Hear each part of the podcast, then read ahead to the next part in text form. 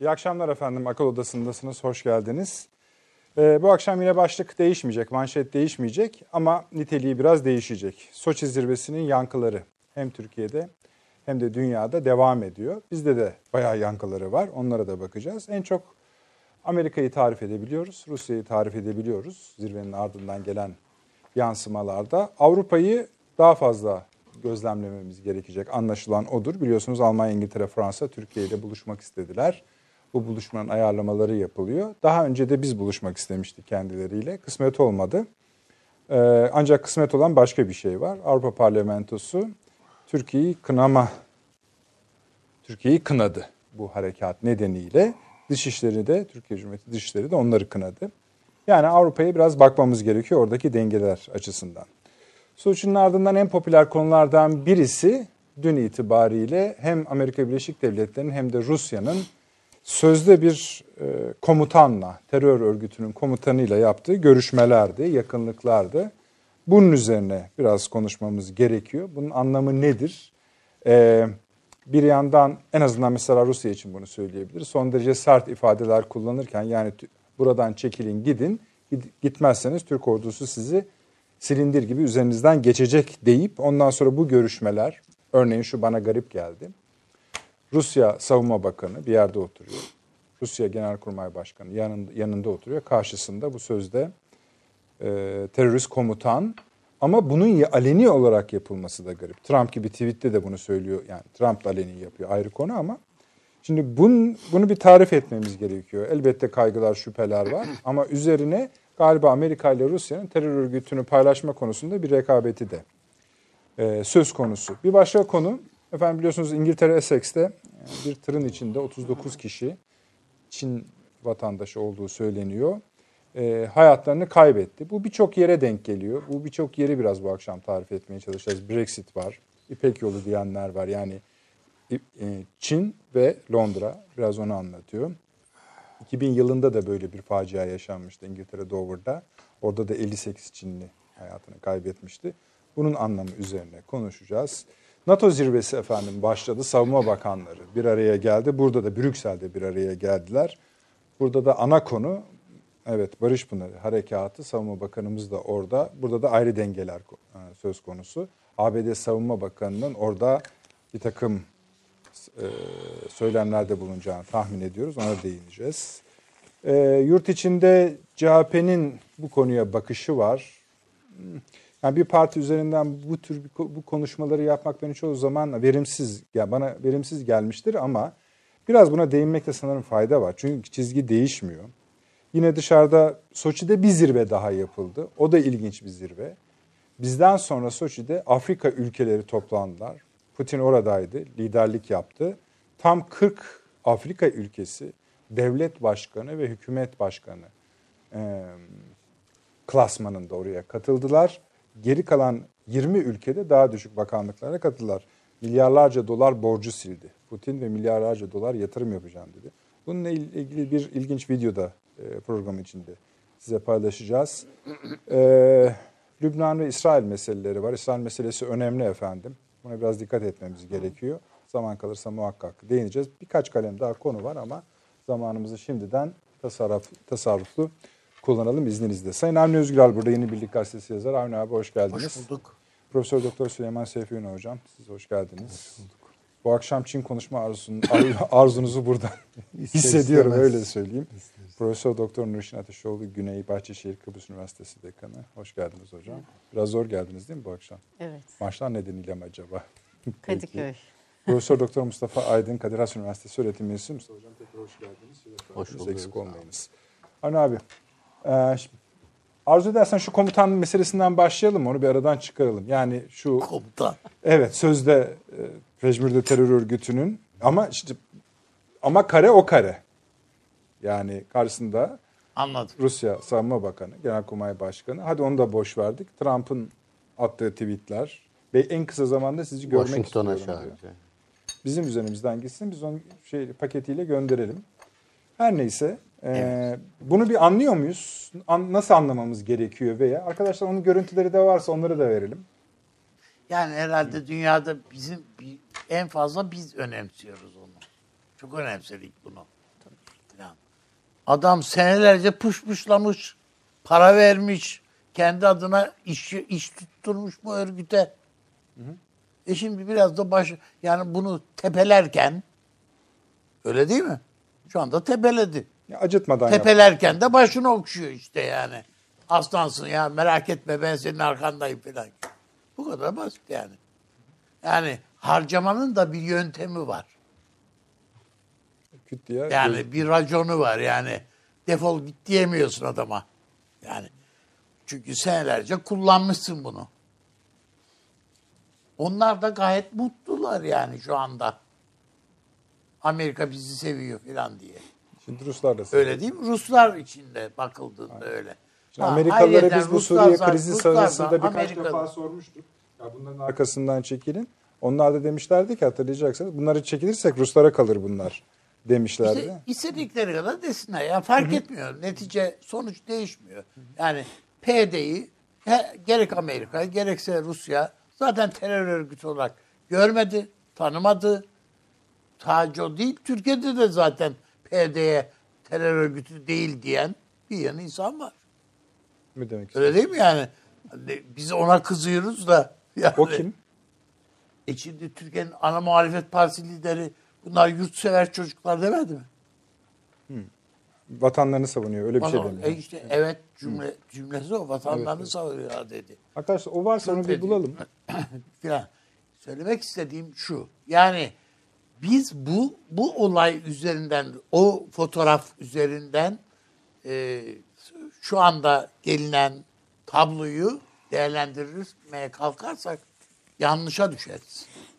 Yani Trump'ın yazdığı mektup üzerinden Türkiye'nin durumunu değerlendiriyoruz filan. Bu kadar yani olduk ki bu kadar büyük bir hakaret olmadıydı da yok şu da buydu. Tamam doğru. E, gereken cevap verilir denildi. Zamanı geldiğinde denildi. Bu Daha da kaşımanı ya Amerika'ya savaş mı ilan edelim ne tatmin edecek?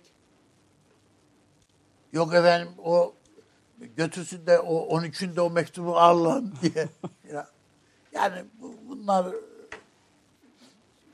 Yani mesela Türkiye'nin kazan şu andaki bütün gerek Amerikan basını, gerek Avrupa hepsi yani bakıldığında e, Türkiye bu süreçten karlı çıktı, avantajlı çıktı diyor. Öyle mi? öyle. Yani itibar ettiğimiz sağcısı, solcusu, Hatta ba- demokratik, yani batıda itibar etmediğimiz bazı basın Ha, yayın basın organları, organları da filan da. kızgınlıkla da olsa Sadece öyle onlar değil. Siyasetçiler de öyle. Bütün bunlar böyle söylenirken biz kaybettik havasındayız yani. Yani bu bu böyle bir şey ilk defa görüyorum ben.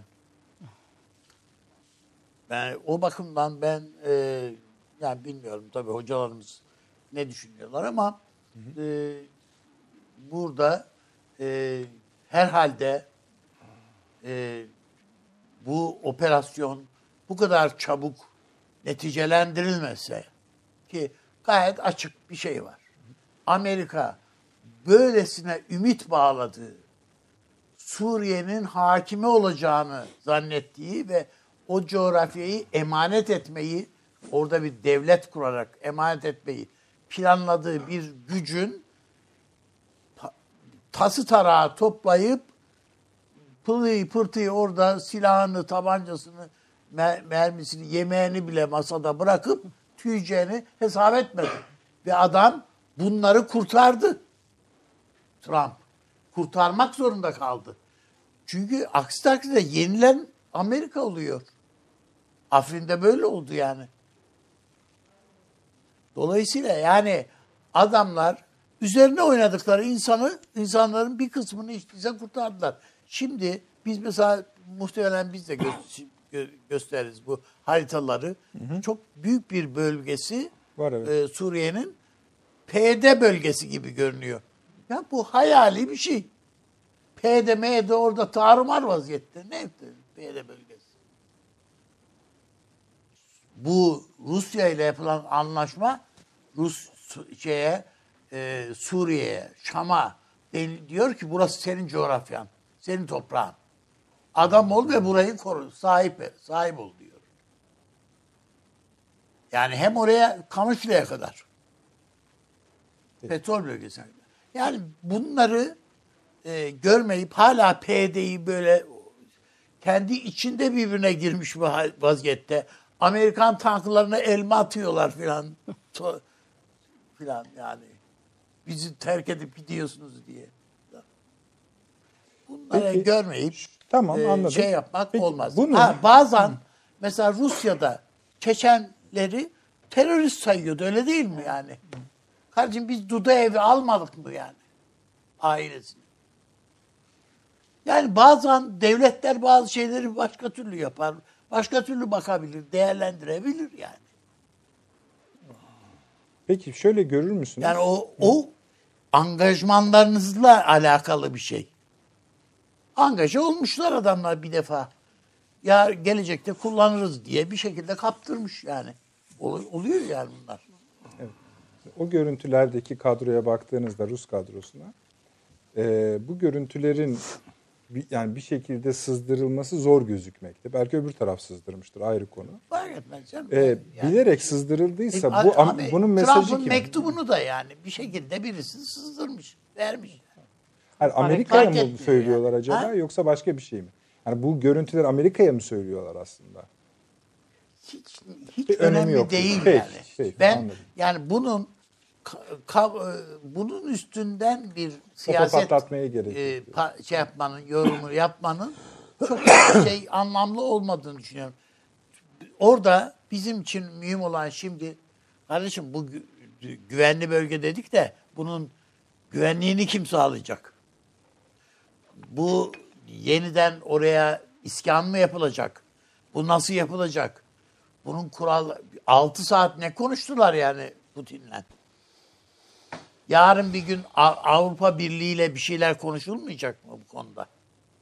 Ya biz bunları ben Tamam. öne, önümüzde gündemde bunların olması gerektiğini düşünüyorum.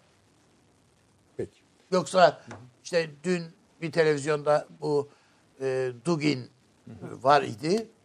Adama sorulan soruları siz de ben de yani hepimiz iyi kötü izledik yani. Hakikaten yani Adamı mundar ettiler diyorsunuz. Yani medya du- bugün meselesine bir açıklık getirelim yalnız burada. Sıkıntı verir. Getirelim. Yok ki getirelim. Ben şeyden herhalde yakın yani Bey. Hani yani Dugin önemlidir, önemsizdir ayrı bir konu. Evet, hani evet. ama hani o aynı frekans göremedik orada yani onu söylemeye çalışıyorsun. Eman Hocam yine siz siz de belki kısaca Yanlış değinmek istersiniz bu görüntülere. Ben aynı fikirleri taşıyorum e, Avni Özgür'le. Trump'ın mektubuna bakarak Trump'ı anlayamayız. O mektup üzerinden Amerika-Türkiye ilişkilerini anlayamayız. Çok başka türlü seyrediyor çünkü.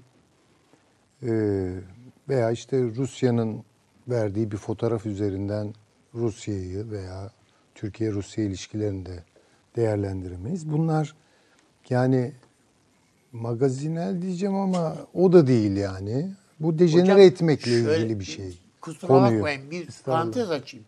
Şimdi Trump'ın mektubu yani o saçma sapan metinden söz ediyorum. Saçma sapan da şöyle bir şey var. Adam diyor ki bak bu Rahip Brunson olayını biliyorsun. Senin ekonomini ben göçert o zaman yapmıştım. Bir daha yaparım diyor. E biz Berat Albayrak'ı suçluyorduk ya. Beceremedi ekonomiyi yönetmeyi diye. Adam diyor ki ben yaptım. Trump. Öyle değil mi yani? Evet, evet. Aynen yani Amerikan başkanı o krizi, ekonomik şoku ben yaşattım. Bir daha da yaparım diyor. Şimdi evet saçma sapan cümleler falan ama onun içinde bir şey de var yani. O bo- boş şeyler değil yani. Peki.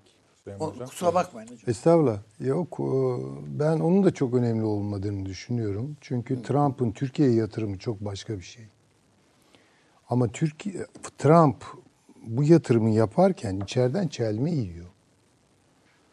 Dolayısıyla onlara da bir şey söylemesi lazım. Seçimler yaklaşıyor. Kamuoyuna da bir şey söylemesi lazım. Dolayısıyla böyle çok değişkenli etkilerin altında Trump bir şey yaptığı zaman onu tek bir şeye yormamak gerekiyor. Trump'ın kafasında Türkiye çok mühim bir yerde. Bir kere bunu görmek durumundayız. bu Paleon kafa Türkiye'yi çok önemsiyor. Çok önemsiyor. Ee, hani arazi daha rahat olsa Trump başka türlü konuşur.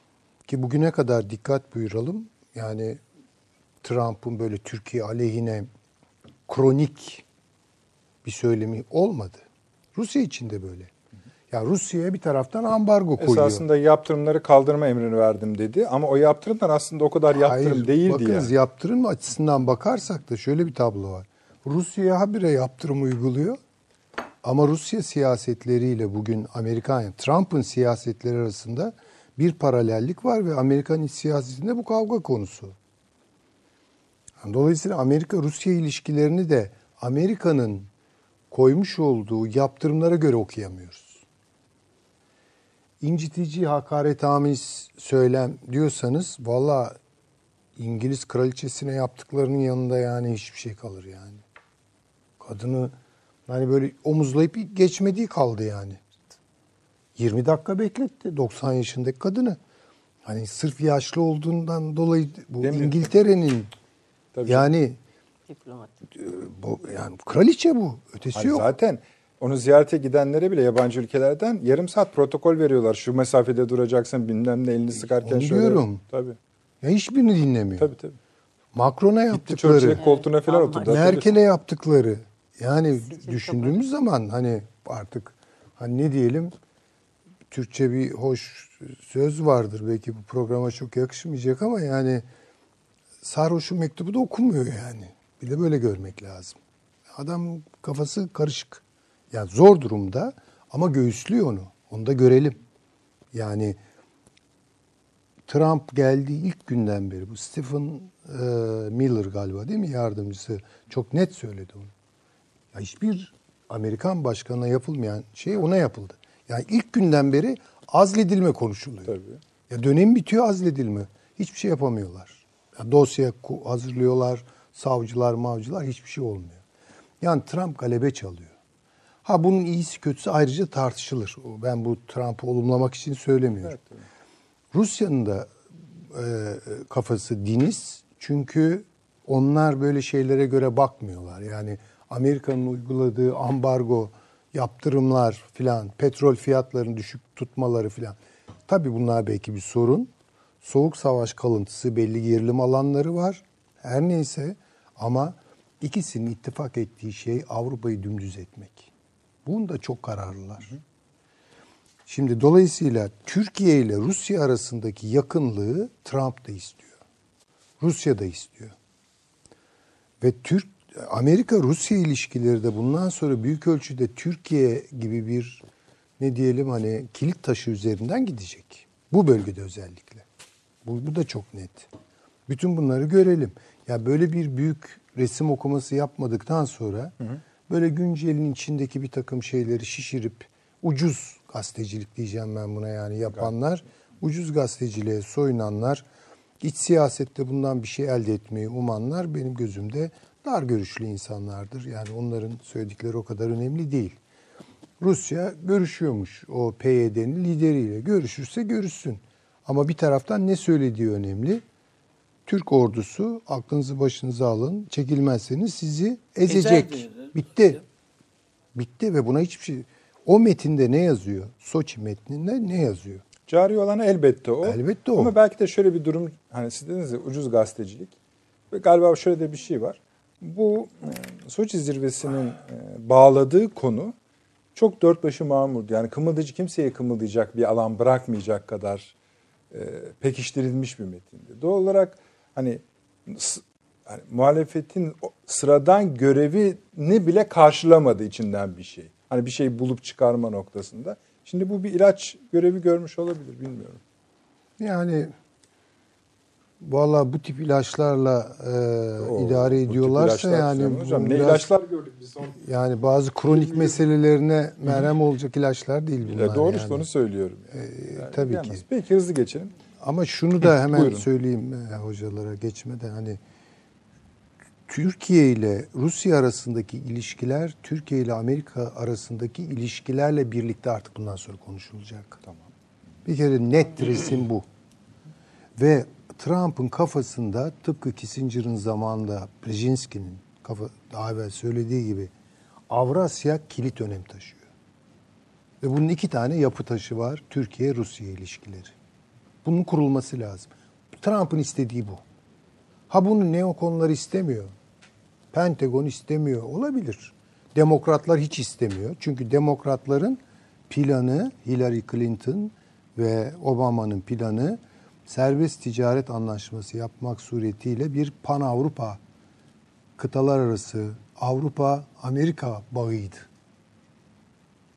Buna oynadılar. Trump'ın geldiği ilk gün yaptığı şey bunu çöpe atmak oldu. Buradan anlayalım zaten yani. Bu Avrupa'yı istemiyorlar. Ama Almanya muallakta. Avrupa derken kastettiğim bir İngiltere'yi o tek yol meselesi için istemiyorlar. Ve yaptılar Brexit'le onu cezalandırdılar. Fransa'yı cezalandırıyorlar. Afrika'da en- ensesinde boza pişiriyorlar. Çünkü Macron da aynı trene binmek istedi. Almanya'nın da buna sıcak bakan tarafı ama Almanya daha ortada ve Almanya'nın ne yapacağı çok önemli. Böyle görüyorum. Eğer bu Avrasya meselesine girerse ki girmesi gerekiyor. Girdiği takdirde denklem tamamdır burada yani. Bunu böyle görmek lazım. Devam edeceğiz bu konu. Ağır bir konu. Parçalarını ayırarak gitmekte fayda görüyorum ben. Nurşin Hocam. Evet, e, bence 9 Ekim'den bugüne gelinen bu kısa süre içerisinde e, sahada e, Türkiye'nin e, kat ettiği yani Türk Silahlı Kuvvetleri'nin e, hızlı ilerleyişi ve başarısı üzerine masada kurulan diplomatik kazançlar herhalde hiç abartılmayacak kadar büyük. E, Evet. Ve o kadar büyük ki bence e, şu anda e, Suriye özelinde ama daha da ötesinde genelinde Orta Doğu genelinde bütün dengeleri o, o işte bundan önceki programlarda burada konuştuğumuz o e, şey denklemleri sarsmış durumda. Yani her şey yeniden kuruluyor. Bunu unutmamak lazım. Tabii e, bunun içerisinde muazzam bir jeopolitik mücadele içerisinde şu anda e, bölgemiz ve şu anda herkes Suriye'de. E, bugün Alman Savunma Bakanı Türkiye'nin bu harekatını işgalci olarak nitelendirmiş ama yani Türkiye buraya işte 51. madde meşru müdafaa, e, terörizmle mücadele Birleşmiş Milletler çerçevesinde bütün o hukuksal gerekçelerini koyarak girdi ve e, onun dışında e, mesela Amerika Birleşik Devletleri'nin PYD üzerinden buradaki varlığını kimse tartışmadı bugüne kadar. Hani onun terörist olup olmamasının ötesinde ne gerekçeyle orada duruyordu ona hiç ses çıkarılmadı. Bu bir durum. E, bence önemli olan burada e, Amerika Birleşik Devletleri sadece Trump yönetimde değil, Trump yönetiminden önce çok büyük hatalarla buraya kadar geldi. Yani Orta Doğu politikasının e, iflas ettiğini biz aslında e, Trump'ın bu hareketiyle yani Türkiye'nin bu harekatına ön açmasıyla biz aslında gördük. Yani e, bir e, yerde okumuştum hani Amerika Birleşik Devletleri'nin o Vietnam'dan, Saigon'dan kaçış hikayesinin neredeyse gerçekleşeceğini hisseden bir Trump'tan bahsediyoruz. Yani Amerika'nın o güvenilirliğini, kaçırdı işte hocam tabii yani kredibilitesini e, bir şekilde hani e, yerle yeksan olmadan e, bence e, bu anlamda Türkiye ile bu e, tam zamanda Pence geldi Ankara'ya ve işte Türkiye'deki Cumhurbaşkanı ve ekiple görüştü ve bu anlaşmayı yaptılar 13 maddelik ve onun üzerine Türkiye'de o harekatı başlattı. O sırada o mektup ortaya çıktı. Yani o mektubun sızdırılmasının, tabii zamanlamasının ben masum olduğunu düşünmüyorum. Yok. İçerik ayrı yani diplomatik bir usuple olmaması vesaire. Ama zaten e, Türkiye'de Sayın Cumhurbaşkanımız nezdinde zaten bunun zaman geldiğinde bunun da cevabının verileceği ifade edildi. Artı bence Türkiye operasyonu başlatmak suretiyle her şeye cevap vermiş oldu. Yani zaten e, operasyonun takibinde tüm dünyadan gelen tepkilerde bence Türkiye'nin beklenmeyen bir şey başarması üzerine e, geldiğini düşünüyorum. Yani is- gerek İsrail'den gerek Arap Birliği'nden gerek O Avrupa'dan harekatın so- Avrupa'dan demeni şunun için E, evet. önemli. O harekatın sonunu en kestiremeyen kimse muhtemelen Avrupa'da. Kesinlikle, Avrupa. Yani kesinlikle. diğerleri az çok Zaten biliyorsunuz bizi operasyon öncesinde, harekat öncesinde e, yaptırımlarla suçluyorlardı. Ne zaman ki biz bu mutabakatı Amerika Birleşik Devletleri ile yaptık. Onun üzerine tekrar bizde görüşme isteğiyle e, randevu istediler. Burada Türkiye aslında e, çok e, akıllıca bir harekattı bu. E, yani saha ve masa dengesini çok iyi götürdü. Artı e, bu iki büyük güçle e, dengeli ilişkiyi sürdürmek suretiyle aslında o işte kendi e, sınırlarındaki güvenliği sağlamak adına o güvenlik barış koridoru olarak adlandırdığımız kuşağı bir kısmını işte Tel Abyad'la Resulye'nin arasındaki 120 kilometrelik alanı Amerika Birleşik Devletleri ile olan mutabakat ertesindeki harekatla güvence altına almaya çalıştı. Geriye kalan parçanın e, resmin parçalarını da aslında Rusya'da Soçi'de yapılan mutabakatla bir şekilde e, şimdi 150 saatimiz var ama gelinen nokta çok önemli. Nurşin Hocam, Cumhurbaşkanı'nın bir açıklaması var. Diyor ki bu terörist diyor, Şey mazlum. mazlum denilen adam işte. e, kırmızı bültenle aranıyor. Doğal olarak diyor Amerika Birleşik Devletleri'nin bu adamı bize teslim etmesi lazım. Evet. Buyurunuz. Ee, yani e, ya şimdi tabii bu doğru ama bunun ötesinde e, bu mücadele yani Türkiye'nin bu başarısının e, arkasından gelecek süreçte e, bu şey bitmedi, hikaye bitmedi. Türkiye şu anda çok önemli bir şey başardı. Kendi sınırların ötesine istediği anlamda 32 kilometre, 30 kilometre ötesine PYD'yi bir şekilde e, sürmüş olmak tan sonra aslında sahadaki Suriye üstünden ve daha sonra bunun ötesinde de Orta Doğu'daki ben mücadelenin bitmediğini düşünüyorum. Özellikle Rusya ve Batı diyelim Amerika Birleşik Devletleri'ni de içine katalım. Rusya da burada tabii e, Amerika Birleşik Devletleri'nin e, Obama döneminde yaptığı 2015'teki o büyük hatayı çok iyi telafi edip içeriye girip e, bu Suriye üzerinden Orta Doğu'ya geri döndü ve ta, kendi varlığını pekiştirdi. Bu ikinci hamlesi de bence bu Soçi'deki Türkiye ile yaptığı bu anlaşma da ikinci bir hamledir. Yani Rusya'nın artık Suriye'deki varlığı e, ve rejim üzerindeki etkisi zaten tartışılmaz. E, bence o anlamda şimdi üç aktörden bahsedebiliriz. Yani bütün o e, ucuz gazetecilik dedi hocam çok doğru. Bu tür e, detaylarla uğraşmaktan ziyade şu andaki kazanımlar ve onun üzerinden neler yapılabileceği ve nasıl e, gideceğimizi bu noktadan sonra düşünmemiz lazım diye düşünüyorum. Demin Sayın Cumhurbaşkanı. Anladığımız kadarıyla Adalet Bakanlığı bir girişimde bulunuyor. Yani resmi bir girişimde bulunuyor. Bu şey komutanın. Yani bir şey değil yani. Ne olacak? Ya ama işte onu istiyorsun. söylemi- Ne oluyor? Vermiyor Ama yani. yani sonuçta hani kırmızı bültenle aranan biri hakkında bir işlem FETÖ de yapılması kırmızı gerekiyor. bültenle Tabii. aranıyor.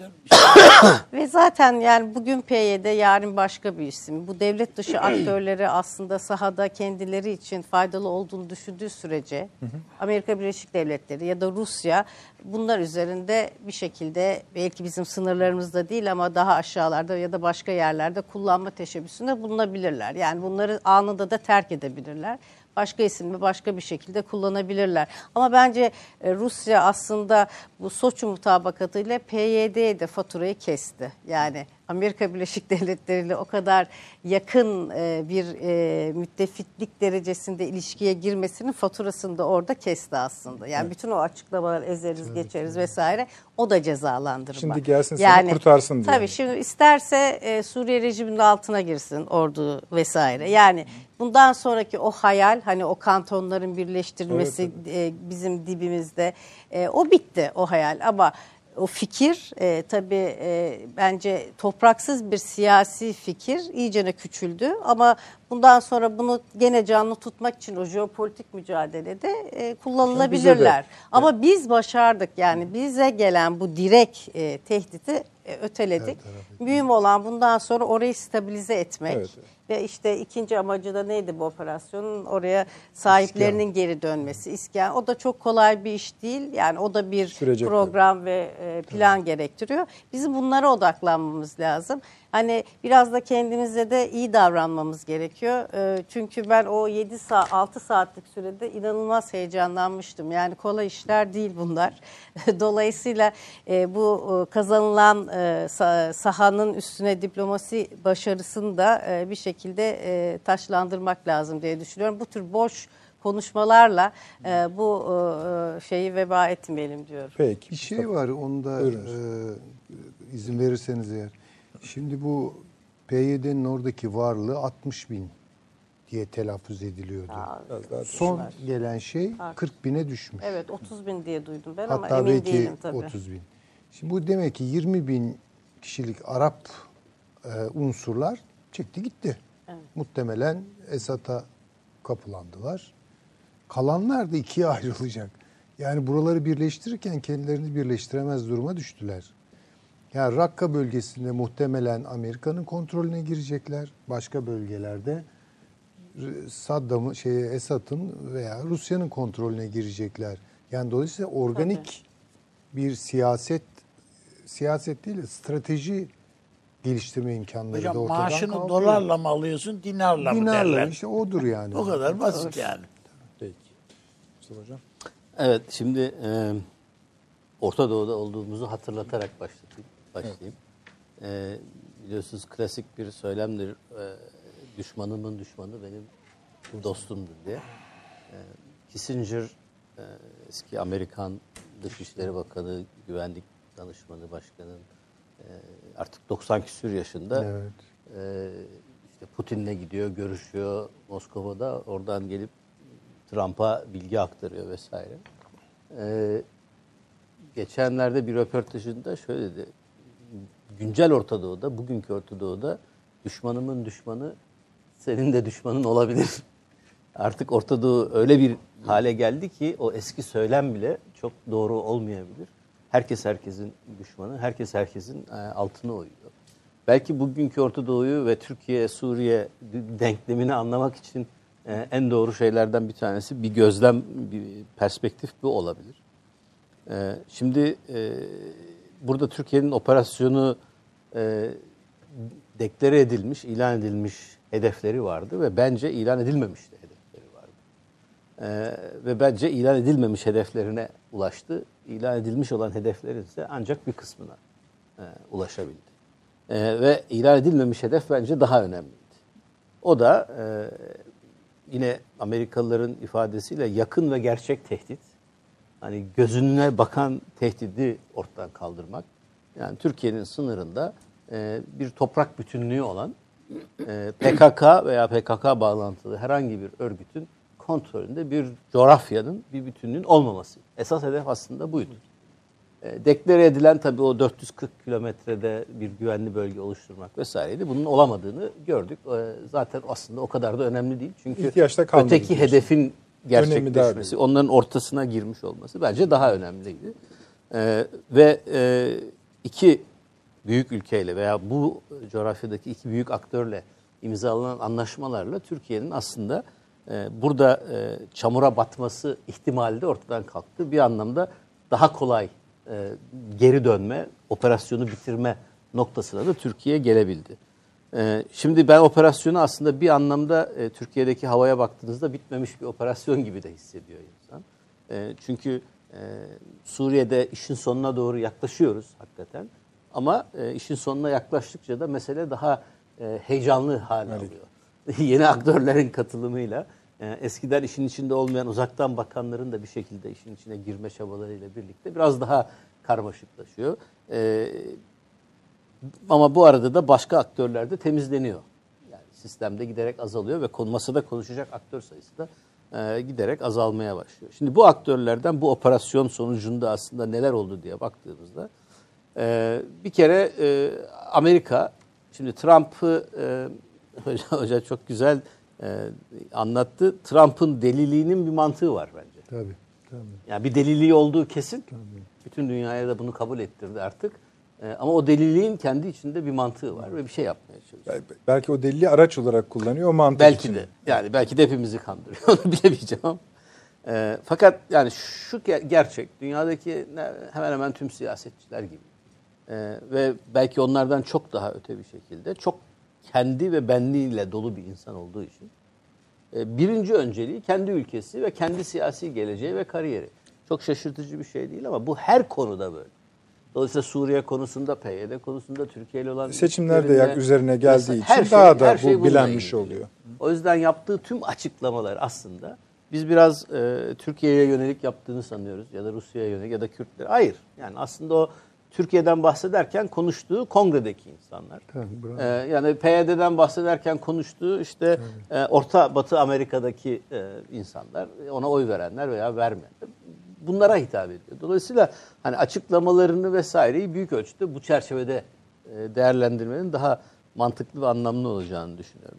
Fakat hani Türkiye açısından e, bundan sonraki Amerikan ilişkileriyle ilgili beni rahatsız eden tek taraf e, yani tabii üslup vesaire kabul edilebilecek bir şey değil ve insanı çok rahatsız ediyor hakikaten. Ama ondan daha belki ciddi olan Türkiye ile ilişkilerinde ekonomik yaptırım tehdidinin çalıştığını düşünüyor anladığım kadarıyla. Şimdi Türkiye e, bu, bu tür tehdit İşe yaradığı anlamında. işe yaradığını düşünüyor. E, bunu yani kendisini anlatırken ne kadar büyük Ve işler... o kartı elinde tutuyor hep. Evet yani e, tam onu söylemeye çalışıyorum aslında. Bunu sürekli gündeme getiriyor. Her konuşmasında şunu yaparsan ha bak işte öyle olursa ha vesaire. Bu, bu aslında tehlikeli bir e, üslup, yöntem. Türkiye açısından da bir süre sonra bıkkınlık verecek ve rahatsızlık uyandıracak bir şey. E, ilişkileri de çıkmaza sokabilecek olan. Yani şunu da unutmayalım. Trump e, Türk-Amerikan ilişkilerinde Türkiye'ye ambargo uygulayan e, ilk başkan. Bundan önceki ambargoyu kongre koymuştu E, veya yaptırımı kongre koymuştu 1975'te. E, başkanın yaptırım uygulaması işte şey e, rahip Brunson döneminde olan e, başkan kendi inisiyatifiyle bunu uyguladı. Dolayısıyla bir tehlikeli bir süreç var orada. Ben hani önümüzdeki dönem açısından bunu vurgulamak istiyorum. Şimdi Rusya bu işin e, Türkiye'yi bir kenara koyarsak Rusya bu işin önemli kazananlarından biri olduğunu hepimiz hemfikiriz zaten. Ben burada kazananın, kazanımın Suriye ile sınırlı olmadığını düşünüyorum. Buradaki kazanım aslında Suriye'nin ötesinde Orta Doğu ve bence küresel düzlemde bir Evet. takım stratejik yansımaları olacak. Evet. Yani e, orada e, mesele sadece deniz kenarında e, manzaralı bir yeri kontrol etmek, oradan aç içeri Esasında gelmek. bu akşamın bu değil. konuşma ana konu- çatısından biri de bu. Bence Yani bence Orta Doğu e, ve çünkü bunu bir başka yerde konuşurken örnek olarak vermiştim. Soçi'ye kimler gidiyor? Soçi'ye Soçi şimdi artık e, eskiden e, Çarlık Rusyası'nın St. Petersburg'u gibi oldu. Moskova'ya gidilmiyor artık. biliyorsunuz. Soçi'ye gidiliyor.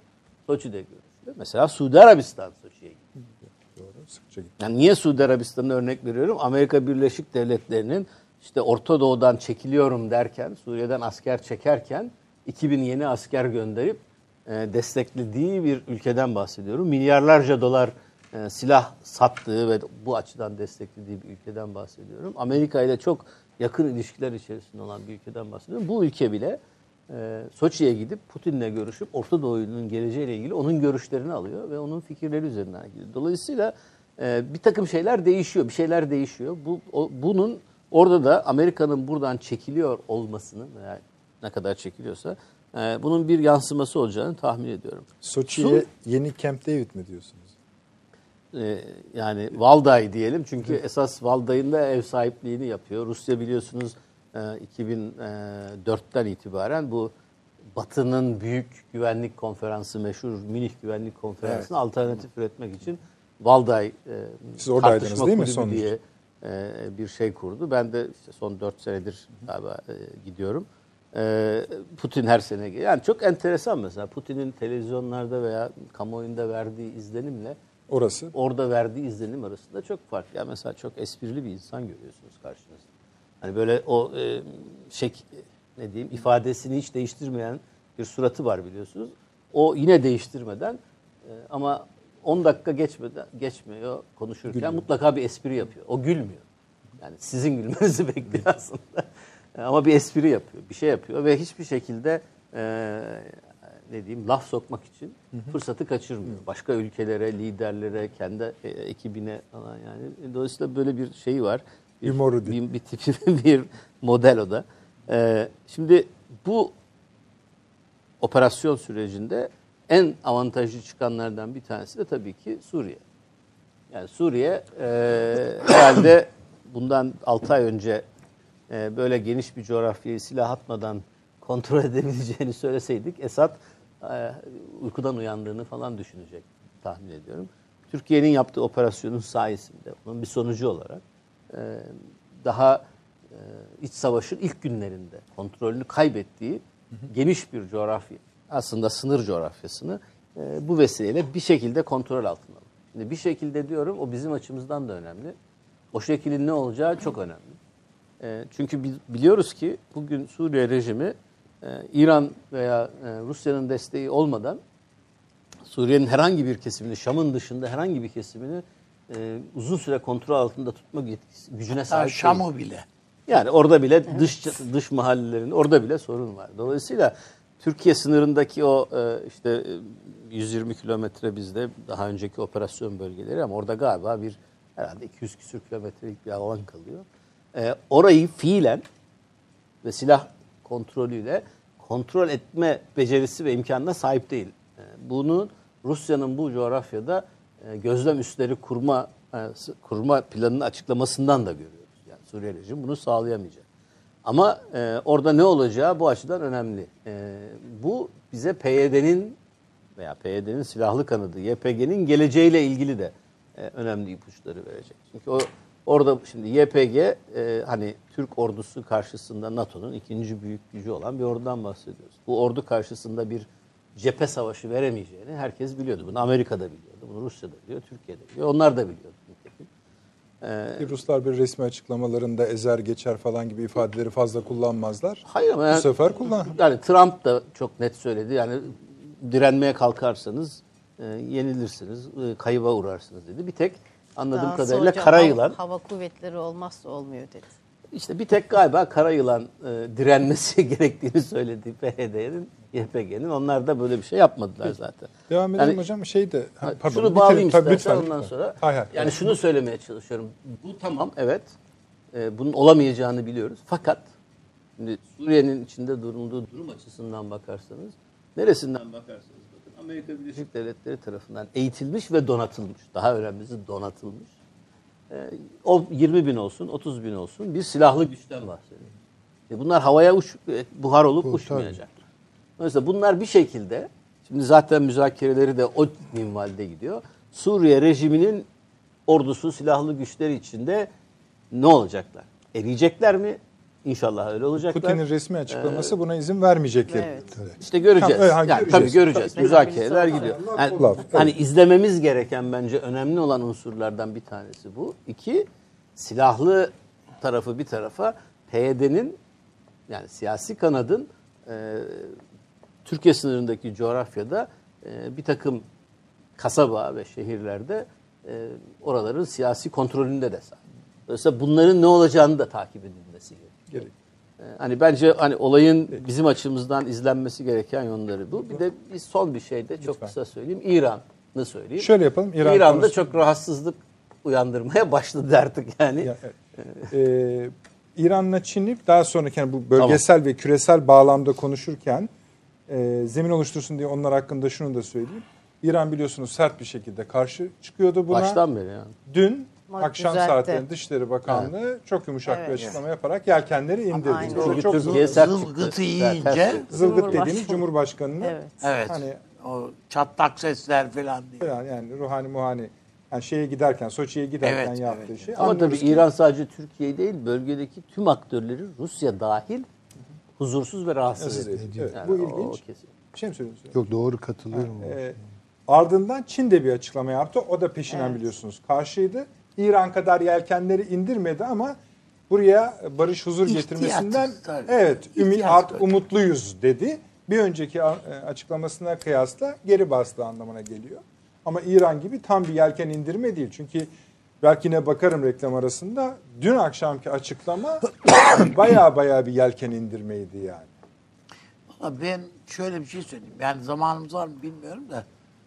Ne kadar konuşacağına birçok- bağlı. ha yani şöyle e, söyleyeyim. Yani e, birincisi hangi Amerikan başkanı Türkiye aleyhine bu kadar yoğun bir baskı hem medyada hem kendi partisi dahil bütün Kongre. siyasi mehafilde üzerine gelse ve üstelik bir de seçim problemleri var. Azil problemleri, şunlar bunlar filan var. Bunu bu Trump kadar hangisi direnebilirdi? Yani bu bu bunu bir tarafından düşün. Ve ona diren diyen bir, bir güç var orada.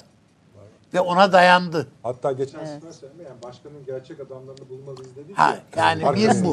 Yani. Bir birincisi biz de zaten şöyle dün Suriye ve PYD diyorduk. Değil mi? Bugünün Suriye'sinde PYD nerede? Buna bakmak lazım. Ne kadar kıymet harbiyesi nereye? Hangi seviyeye indi? Kaldı ki biraz daha böyle spekülatif bir laf da edeyim. Yani belki Kandil bile memnun olmuş olabilir bu sonuçtan. Çünkü inisiyatifi kaybediyor. Çünkü zaten PKK'nın içerisinde bu Behevs filan kanadıyla ka- efendim e, Karayılan şu bu filan direnin şeyi çünkü Karayılan'dan babasının haline gelmiyor. Yani direnin diyorsun Bilmez adam mi ne kaçıyor. olacağını ya, bilmez Ha, mi? bilmez mi canım? 35 senedir orada sil- elinde silahla gezen adam onu bilmez mi? Yani biliyor onların ne mal olduklarını bunların. O bakımdan yani daha bu tablo netleşirken çok şey değişir diye düşünüyorum. Daha, yani çok konuşacağız diyorsunuz. Evet. evet. Tamam efendim. Daha, e, sizin bir, bir not daha söyleyecektiniz. Onu unutmuş değilim ama reklamlardan sonra devam Ben edelim. unuttum ama efendim. hatırlarım reklamı. Tabii şimdi söyleyeceğim zaten hatırlayacaksınız. E, kısa bir reklam efendim. Dönüyoruz. 30 saniye reklam arası. Türkiye'nin tek haftalık haber dergisi Gerçek Hayat, gündemi yakından takip ettiği dosya ve röportajlarıyla her pazartesi okuyucusuyla satış bayilerinin raflarında buluşuyor. Gerçek Hayat artık sayfalardan dijitale taşıyor. Sayfalara sığmayan yazılar, röportajların perde arkası, interaktif içerikler. Gerçek Hayat artık size daha yakın. Tüm içeriklerden ilk haberdar olmak istiyorum diyenler. Gerçek Hayat, GZT'nin sosyal medya hesaplarına davet ediyor. Reklam arası sona erdi. Döndük efendim. Akıl Odası devam ediyor. Biz de reklam arasında sevgili e, Mustafa Aydın hocamla Valday gezisinin dedikodusunu yaptık. Bayağı dedikodu anlattı. Demek ki sadece akademisyen, akademik işler yapılmıyor orada. Zırhlı bölümleri de anlattı bize. Belki biraz sonra sizinle de paylaşır. Ama son bir e, notunuz var idi. Onu da paylaşırsanız Ee, evet, do- e, şey açılmadan önce e, girişte girişte konuşurken biz e, ekrana gelmeden önce Dugin'in lafı geçti. Dugin yine Türkiye'de e, Türkiye'de gündem oldu dün galiba. E, yani şunu söyleyeyim, ben hani Rusya'da e, tanıdığım insanlara da sor- soruyorum, sordum. Yani Dugin Rusya'da çok önemli birisi değil. Yani marjinal bir düşünür, önemli bir düşünür ama marjinal bir düşünür. önemli düşünür ne demek? Hocam bir de burada yanlış tanıtılıyor yani. Putin'in sağ. Aynen. Esas Ta- bunu tam bunu düzeltmek tam lazım. bunu söyleyeceğim. Yani şu anlamda önemli. Yani bir Orada görüşü temsil yapılıyor. ediyor. Rus Avrasyacılığı denilen görüşün önemli düşünürleri. Teorisyenleri. Yani Yoksa Dugin'in şahsıyla ilgili değil konu. Yani, Dugin'in Tabii. e, benim bildiğim kadarıyla hiçbir zaman Putin'in danışmanı olmadı. Tabii. E, Putin'in bir dönem e, Avrasyacılık görüşü Putin'in kullandığı görüşlerden bir tanesiydi. Ama o- Rus milliyetçiliğiyle Avrasyacılığını birleştirip bir şeyler yaptı ama, Ama bu Putin bir de pragmatik Hatta bir Türkiye lider aleyhine yani. falan da Tabii. Konuşmalar Şimdi. Putin'in e, pardon Putin'in Dugin'in e, Türkçe'ye de çevrilen ve çevrilirken aslında kesilip çevrilen Avrasya her yerin. Avrasyacılık Jeopolitik. kitabının İngilizce e, Rusçasına bakarsanız Türkiye hakkında yazdıkları. Türkler hakkında daha doğrusu Türkiye değil Türkler hakkında yazdıkları yenilir yutulur şeyler de değildir yani. O yüzden hani Dugin'e bu kadar iltifat edilmesi Türkiye'de çok anlamsız bir şey Fakat bence. çok Dugin'e ilişkin, Dugin'e ilişkin Türkiye'de zaten böyle bir çaprazlama var. Bir kesim Çok tutuyor. çok tutuyor. Aynen. Bir kesim ya, ya bu dedikleriniz doğru değil diyor. Yani sonuçta bir profesör. Yani Hayır, bir fikirleri ekol var. Avrasya bir ekolü var adamın. Onun ekolü, ekolü var. var. Beğenirsiniz, Ekol- beğenmezsiniz Tamam, yani. konu. Ama yani Putin'in dönem baş başında- danışmanı, sağ kolu, Ha, o- orası adamın yanlış. her... Yani öyle bir Rus şey yok. Orası siyasetini belirleyen Değil. falan. Yok. Değil. Böyle bir şey Orası bakın, yanlış. Yani Ama Valday'ı söyledin sen. Şimdi Valday'ı, Valday e, tartışma kulübü tam adı. Bunu Putin kendisi şahsen kurdurdu. Evet. Batı'nın e, özellikle... Yatırım da yaptı, genişlesin istedi. Tabii çünkü Batı'nın bir takım e, tartışma yerleri vardı. Hatırlarsınız Münih Güvenlik Konferansı'na Tamam. gidip çok meşhur bir, Bir konuşma, konuşma çok yapmıştı. hani her şeyi dönüştüren konuşmalardan biriydi. Ona alternatif olsun diye Rusya kurdu. Şimdi bu ekip aslında Putin'in bir düşünce ekibi varsa bu ekip. Yani bunlar Orada bu- biz kendisini görmedik. Dugin'i hiç orada görmüyoruz tabii. Yok zaten o ekiple birlikte. O ekip kim? İşte e, Rusya'da MİGİMO. Yani Rus e. Dışişleri Bakanlığı'nın kurduğu üniversite. Evet, E, ya da e, işte e, Şarkiyat Enstitüsü. e, Doğu Dilleri Enstitüsü. Hani bu tür merkezler var. E, Moskova Devlet Üniversitesi. Ve bunlar her ve şey e, Rusya e, ne diyelim e, Aka- Rusya Bilimler Akademisi. Bunlar ve buralarda çalışan insanlar var. Bunlar aslında hani eğer akıl fikir veriyorsa Putin'e ve Orta Doğu politikasında kimin akıl ve fikir verdiğini isim olarak biliyoruz. Adam kendisi e, raporu yazıp çıkan adıyla sanıyla isimler var. Dugin bunların arasında hiçbir şekilde yok. Peki. Süleyman Hoca da bir şeyler söyleyecek ama e, Nurşin Hoca lafı bilerek oraya getirdiği için. Efendim, Akıl Odası sürecinde ikinci ya da üçüncü kitap tanıtımımız. E, prensip olarak yani kitap önermek her zaman iyidir ama ben bir şu nedenle pek. Çünkü herkes kendi birikimi üzerinden bir kitap tavsiyesi yapar ama o kitabı okuyan kişi her zaman o zevki ve tatmin ediciliği bulamaz. E, ama bu bu kitabın yazarını tanıyorum efendim. evet, The New Geopolitical Realities for Russia from the Black Sea to the Mediterranean. Nurşin Ateşoğlu Güney hocamızın Edit. kitabı gösterebiliriz. Yeni. Ye- o kadar yeni ki bize Kitap- bile yok. kitap- Gösterebilir miyiz arkadaşlar? Böyle yakından biraz. Ee, bu ne zaman yazdınız hocam? Bu Daha doğrusu ne zaman bitti öyle söyleyelim. Vallahi çok çabuk çıktı. Çünkü konjonktürle çok bütünleşen bir e, çalışma oldu. Ayrıyeten ben editörüyüm. Hani dolayısıyla buna Başka katkı yapan katkılar da var, arkadaşlarımız da var. Hem yurt içinden hem yurt dışından. E, 3-4 ay içinde e, Lexington e, Publishers Peki. yayın evi tarafından basıldı. Onun sebebi de e, biz bunu e, düşündüğümüzde bu fikir ortaya çıktığında daha e, bu yaşananlar yoktu Yok. ortada ve ben e, Karadeniz'den Akdeniz'e inişini e, Rusya'nın aslında limitasyonları ve bunun üzerinden Türkiye ile ilişkileri neden geliştirmesi gerektiği üzerine odaklandım. Dolayısıyla bugünün sorgu, soruların pek çoğunun cevabını da orada Zemini bulabiliriz. O bakımdan Hayırlı olsun, güzel bir önemli. şey Yok. zamanlama da uydu. Şansımız yaver gitti. Tabii yani Sağ bütün bu izahlarınız bize kitabın gelmesine geciktirmeyecek. Bulur ve okursak değil mi? Evet değil mi? Yani- Yani biz de faydalanmak İnşallah. isteriz. Hayırlı olsun tekrar. Buyurun Süleyman Hocam. Şimdi bu e, Dugin'le ilgili bir şey var. Doğrudur yani e, pek böyle hani birinci derecede Putin'in akıl hocası mıdır değil midir belli değil. Yalnız dünya sunumu bu. Onu söyleyebilirim. Dünya sunumu. Kendini böyle Tabii yani. Mesela Sakin. Çin'e git gidiyor. Lansmanını böyle yapıyor. kendisi Yani böyle o iki konuşma, yani Çin'de yaptığı konuşma ve Hindistan'da yanılmıyorsam yaptığı konuşma ikisinde de başlık Putin's Brain. Bu şekilde. Ama işte o yanlış yani. Yani böyle bir Evet, şey de var. Ben-. Evet, evet. Evet. Evet. Ve bunu mesela sunucu falan söylediği zaman kendisine Reddediyor. reddetmiyor.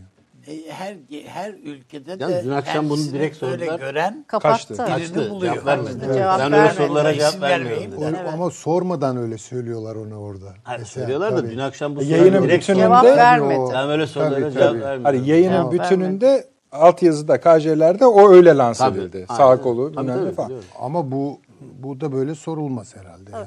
Bence yanlış bir adresteydi Dugin. Kendisi biraz geç Kanal fark anlamında söylemiyorum. Tabii ben de yani o fresh- bir ekolün temsilcisi. Temsilcisi. Görüşlerini de paylaşabilir.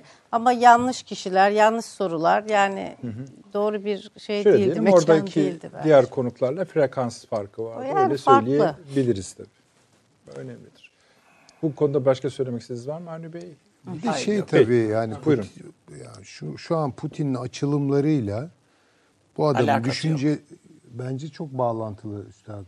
Yani tabii tabii. Ben aynı fikirde değilim. Hoca bitirsin de ben de bir şey Tabii. Yani şu bir kere e, vurgusu bu Avrasya meselesi üzerinden işte küreselleşmenin eleştirisi ve o bakış etrafında Trump'la Putin arasındaki bağı açıklayan bir takım açılımları var.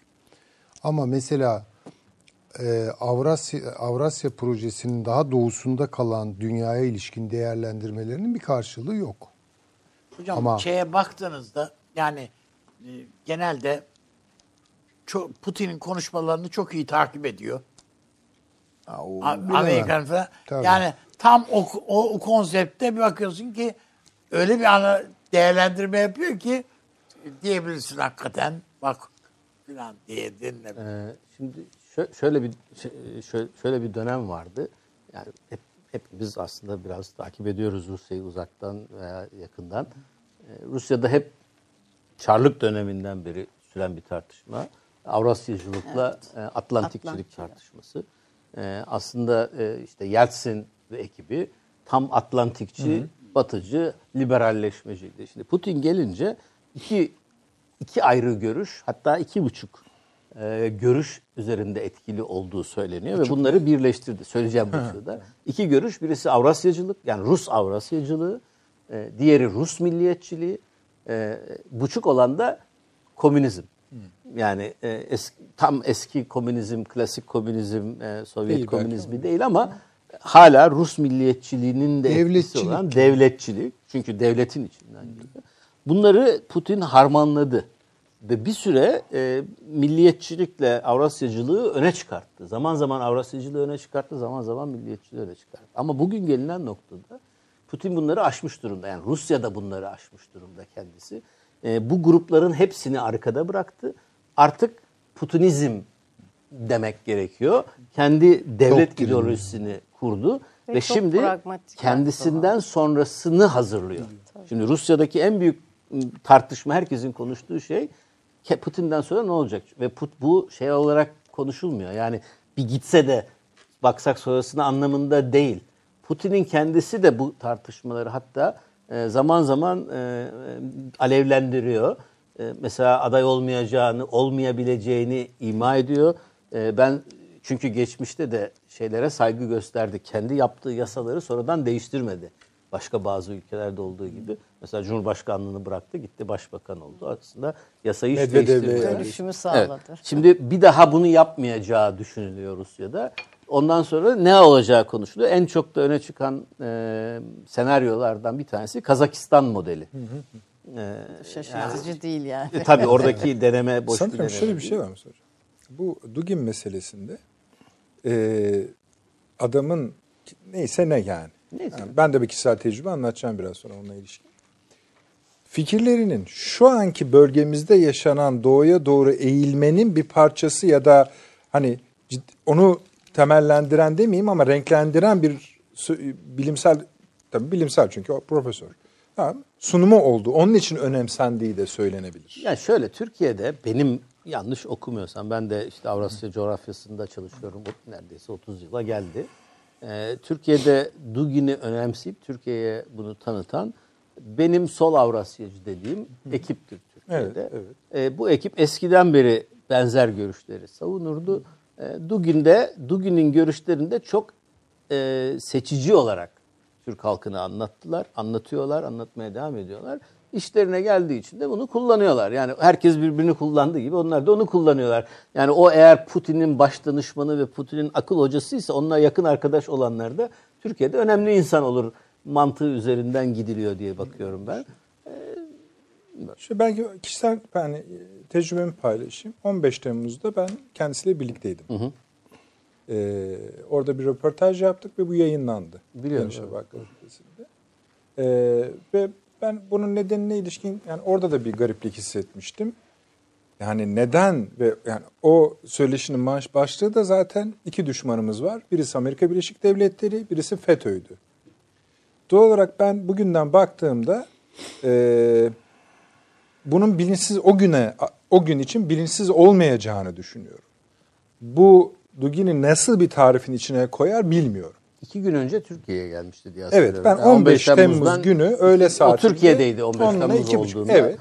E, Onu da şey diye kullandı yine. Ya. Söyledim, getirdim falan. Hayır ya ben bunu Türkiye'ye uyarmak Biliyordum. için Evet, geldim. söyledi Söyledi İşte dün akşam da Ha, zaten. Ben Hareketleri dinlemedim izlemiştim dedi. Darbeyi ben uyarmıştım. Uyardım dedi Bunları falan dün gece dedi. tekrar Evet, paylaştı. Yani ama hani Ama- bizim en üst düzeye ulaştı bunu söyledi mi? Öyle bir iddiası vardı. Onu bilmiyoruz tabii. Yok oradaki bu. yani o röportajda bunu söylüyordu.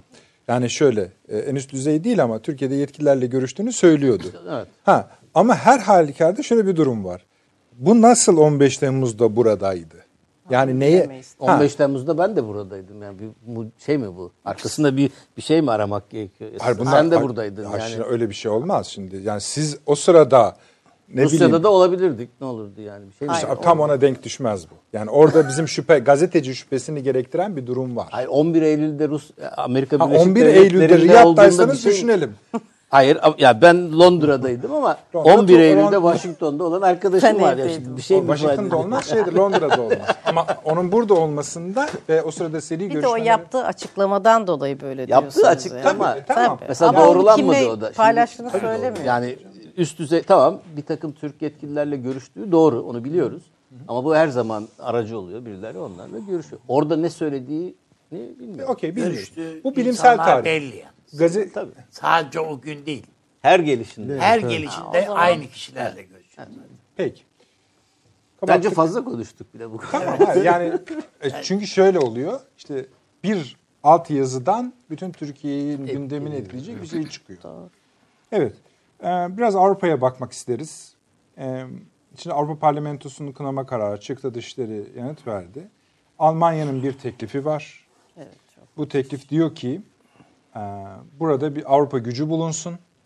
Artık ona hani Avrupa ordusu der misiniz Süleyman Hocam bilemeyeceğim ama e, zaten iki tane AB vardı bu sürece gelene kadar. Birisi Avrupa ordusu, öbürü Avrupa Birliği'nin e, pardon Arap Birliği'nin burada bir Sünni yani oldu. evet Suriye'de vaziyet alması gibi bir şey. Arap NATO'su. Arap- Öyle demişlerdi değil mi? Kurulamadı. Evet. İkisi de şu anda oyundan düşmüş gözüküyor. Şimdi burada bir Türkiye'nin bir daveti olmuş idi Avrupa'ya. E, Ben, gelin- ba- 2015 miydi? Evet. evet bir şey olmuştu. ben başka bir şey Buyurun. yani de- bu dediğin çok önemli yani ona değiniriz ama şeyi kapatmadan bu fosfor bombası işi var. Yani Amerikan Kongresi'nde PYD'nin Amerika'daki temsilcisi kadın terörist çıktı uzunca bir konuşma yaptı. Kimyasal Arkasında- silah meselesi. Evet kimyasal silah. İşte bu çocuklar diyerek fotoğraflar gösterdi filan filan. Şimdi söylemek istediğim biz evet yani Türkiye meramını anlatmak için tabii de orada dinlensin, e, dinlemeye hevesli olan insan çok fazla yok belki.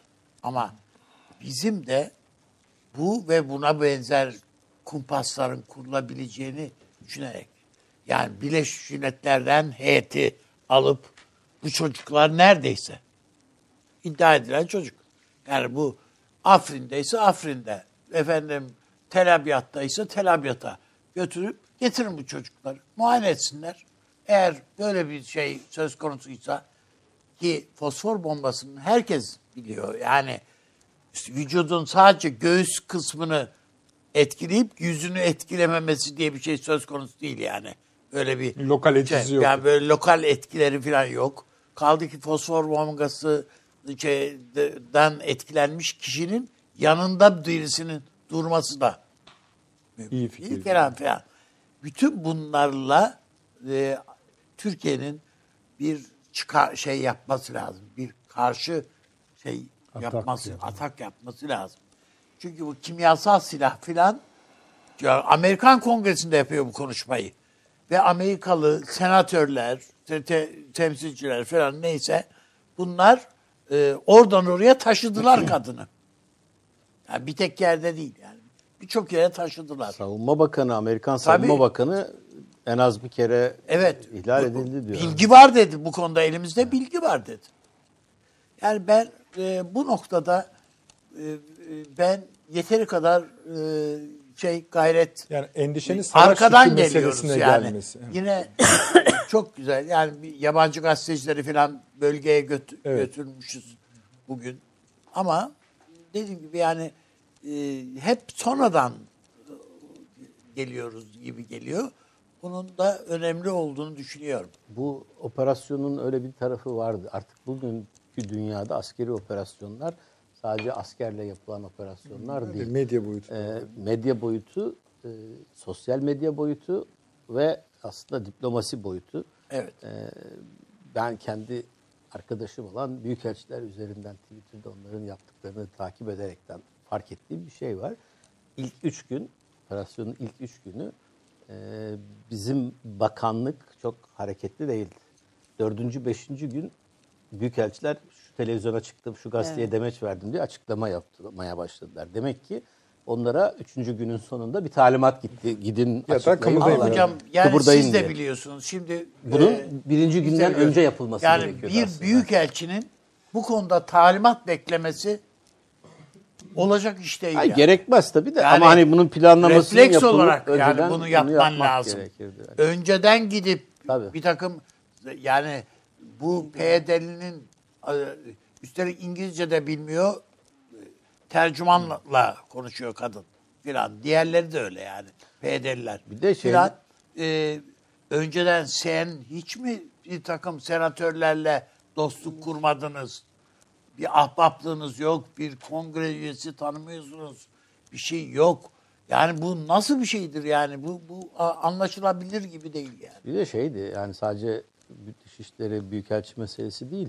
Operasyon başladığında tüm sosyal medyada, bütün dünyada bir böyle e, furya halinde ve tek taraflı bir şey yayıldı. Demek ki karşı taraf bunun hazırlığını yapmış ama hani Türkiye yeterince bir karşılık verme ya da karşılık verme değil aslında o da hikayeyi şekillendirme. Yani kim önce ön alıp hikayeyi ortaya koyarsa onun dediği üzerinden tartışılıyor. Orada bir zafiyet var. Hani bu tür operasyonlar artık öyle yapılıyor. Yani Savaşların niteliği değiştiği Değişti, için ama evet, evet. Türkiye'de onu artık şu anda yapıyor. El İletişim Bakanlığı vesaire. Evet, başkanlığı. Bir de çok başkanlığı ilginç olan e, mesela Amerika Birleşik Devletleri'nde bütün büyükelçileri de şikayet edin Türkiye'de talimat verilmiş. Yani bu da bir haber. Yani bu kadar e, bu savaşın e, ne kadar çirkinleştiğini de görüyorsunuz. Hani diplomatik şeyle ne kadar bağdaşır bilmiyorum. Evet, peki. Yani Bu- onu onu Tamam. etmek istedim. Yani e, kaldı ki bu savaş sürecinde, bu müzakereler sürecinde filan Dışişleri Bakanı'nın hiç yani tahmin edilmeyecek bir performansı Dışişleri var. Bilmiyorum. Yani gösterdi. E, ya da büyükelçiler dediğinde bir işe yarayacak yani. Çok gömme istersen. Hayır ben görüyor değilim canım ben. Ben onun için demiyorum. Daha iyi yani. olsun diye Yani şey olsun. Yani Yapıcı oradaki eleştiri. basın yani önemli gazetelerin yöneticileriyle, şunlarla, bunlarla değil mi yani? Tabii, tabii. Bu geliyorum diyen bir şey yani. Bir operasyon bu. Peki. Ee, şimdi Avrupa ile ilişkimize geçelim bu barış harekatı şey, barış pınarı harekatı üzerinden şu kastınız var. Yani onlar aslında oyunun dışı birinci soru olsun. Oyunun dışında kaldılar mı kalmadılar mı? Yani çok açık. Peki şimdi tekrar vaziyet almaya çalışıyorlar mı? Şimdi adam geçmiş. Çok geç kaldı. ateş ediyor şimdi nişan almış sonradan nişan alıyor filan. Öyle bir şey. Ee, Almanya'nın talebi var. Ee, bir de dörtlü görüşme istiyorlar.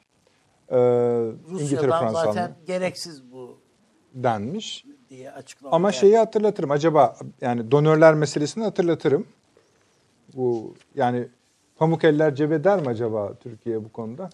Türkiye Ama ancak olmuyor. yani o güvenli bölgeyi Kontrol inşasına biz de va- bir varız finansmanla derlerse Türkiye evet der. Evet onlara da buluşma adresi olarak biliyorsunuz ilk Yoksa önce Antep yani ve Urfa Türkiye zaten- gösterildi. Ha? Buluşma adresi olarak biliyorsunuz Antep ve Urfa gösterildi E, tabii, önce. öyle. Hani Ama yani bu dörtlü zirve. tamam.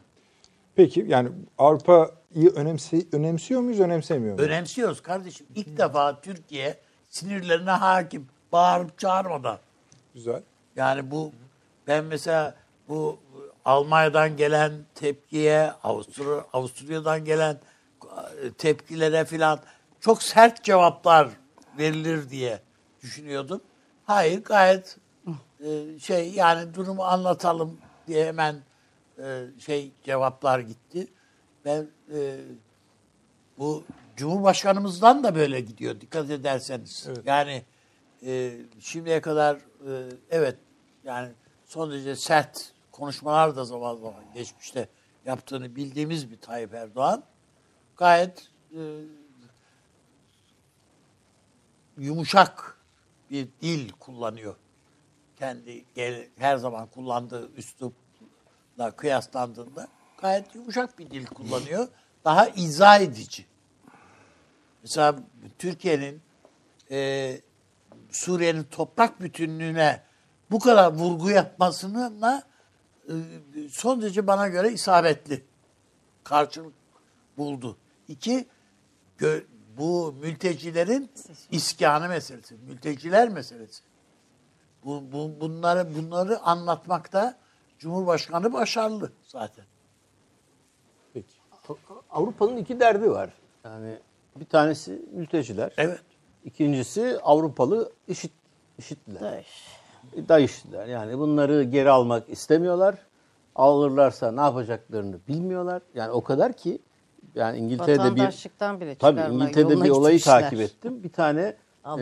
IŞİD'liyle evlenmiş işte karısı olan bir İngiliz vatandaşı 18 yaşında bir kadın e, bebeği daha yeni doğmuş şeyde birkaç ay önce doğdu. E, ve o bebeğe vatandaşlık vermiyorlar, almıyorlar. Yani bebeğin bir bilinci yok. Hani daha hiçbir hatırası yok. Alıp o çocuğu başka Üstelik türlü de işte- kadın Onu bile pişmanım dediği halde. Kadın Evet. pişman dedi halde ve ülkeye sokmuyorlar. Vatandaşlığa attılar, almıyorlar falan. Yani böyle bir şey var Avrupa'da. e, bu işi tamamen dışarıda tutmak gibi. E, Trump'ın da sürekli vurguladığı bir konu haline geldi. Bu böyle gidemez yani ilahi nihai. Bu, bunlar ne olacaklar yani Suriye'deki bugün Suriye'de barış olsa ne olacak? E, bu işitlileri Suriye rejimi mi bundan sonra sürekli hapiste tutacak? Kim kim birisi bununla ilgilenecek? Herkes kendi vatandaşını alıp Orada Avrupa'nın beklentisi bu e, yani Türkiye'nin bu harekatın bu kadar hızlı olabileceğini tahmin etmiyorlardı ve bu işin sürmesini istiyorlardı. Ve o süreç içerisinde bu DAEŞ'lilerin de Zaten hepsini kendi kendine yok olmasını bekliyorlardı. Ay, ya, evet söylenen o ki İşlerine gelmiyor. PYD'nin Amerika Birleşik Devletleri'ne bunları ilahi nihaya biz burada hapiste tutacağız diye söz verdiği, vaat ettiği o işte artık destekte onunla birlikte geldiği şeklinde bir şey vardı ama o da tabii şimdi çöktü yani. Çöktü gayet tabii. Zaten öyle bir şey yok imiş. Öyle resmi açıklamalar öyle.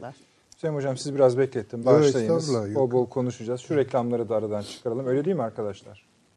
Evet. Öyle yapalım. Dönüyoruz efendim.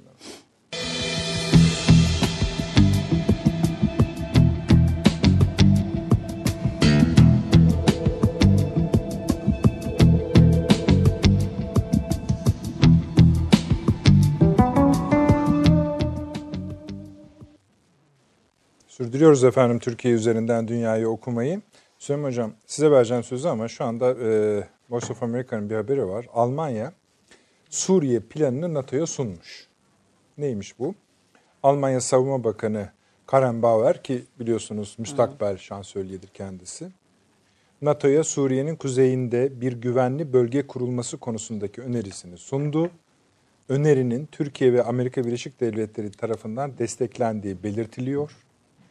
NATO Genel Sekreteri Jens Stoltenberg- ise öneriyi memnuniyetle karşılamakla birlikte Birleşmiş Milletler'in de böyle bir sürece dahil olmasının gerekebileceği uyarısında bulundu. Uluslararası Diplomatlardan çarşı karıştı diye. Çarşı bence. Diplomatlardan alınan bilgiye göre Trump, Karambağar, Brüksel'deki NATO Savunma Bakanları toplantısında müttefiklere Suriye'nin kuzeyinde uluslararası güçlerin kontrolü altında oluşturulacak bir bölgenin yerlerinden olan sivillerin korunması ve DAEŞ militanlarına karşı mücadelenin devam etmesini sağlayabilmesi için bu süreçte Rusya'nın da katkısına ihtiyaç duyulacağı mesajını verdi. Ne tür? Kaynak ne hocam? Voice of Ne- America. ne Ha, tür? Voice of America. Yani Türkiye'nin desteğini ben İşte yani Teyit on, evet, demek başta söylüyoruz. Demek Voice of lazım. Amerika'nın sesidir. Öyle onu anladık.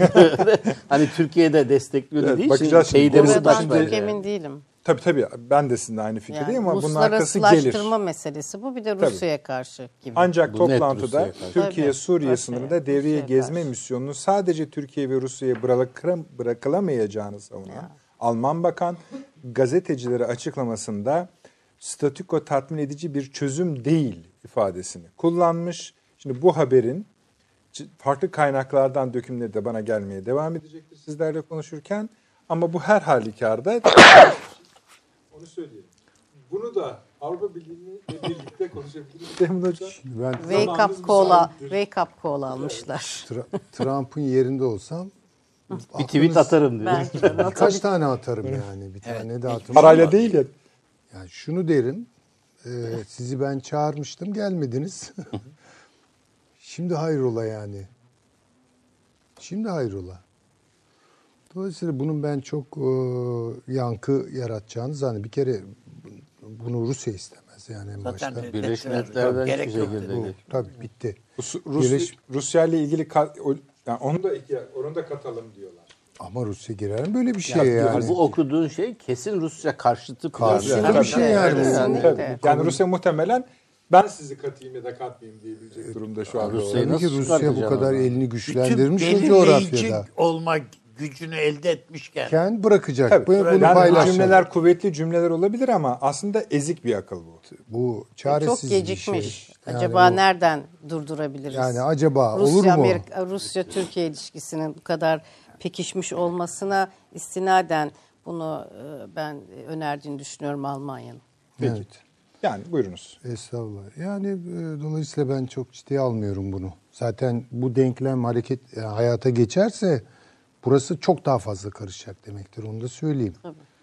Yani o zaman niye girdik biz? ha, o zaman Zaten niye, tabii o- tabii o yani Ya o- da niye bu kadar geciktiler? E, ya Baştan niye bu kadar geciktiler? etselerdi. Baştan Tabii bu o kadar içine- önermiştik. İşte ama sizin dediğiniz yani bu işin böyle gideceğini kestiremediler ve Tabii, çabuk tabii. bu kadar Ve hızlı gideceğini kestiler. uluslararasılaştırmak istiyorlar. Diyorlar, evet. Tabii. Bu bir kere NATO'nun da konseptlerine çok uygun değil. Yani şimdi Hocam geçmişte bu NATO'nun bir, Birleşmiş Milletler gücünün filan Tabii, tabii. ne haltler yediğini tabii tabii Bosna'da tabii. filan gördük gördük. Gördük. tabii. Onun için Hollandalı askerler vesaire. YPG bunlar- Alman planını destekliyormuş. Ha, çok E onlar tabii Hemen Oraya onlar gidecekler. destekleyecek tabii, Tabii. ki. Times of Israel'den bu da Yani Yani İsrail de destekliyor. yani İsrail de destekliyor. herhalde. destekleyebilir. ya Avrupa'nın derdi gerçekten öncelikle gösteriyor. Zaten su kaldırmayan bir şey bu. Ama ikinci olarak inisiyatif kaybediyor. Çünkü Sykes-Picot sonuçta bunların imzasıyla o sınırlar bunların imzasıyla hayata geçti. E, Dolayısıyla burada kaybediyorlar. Yani ikinci bir 1956 sendromu yaşıyorlar yani. Peki Nasıl bizde de belki gibi. destekleyen vardır hocam.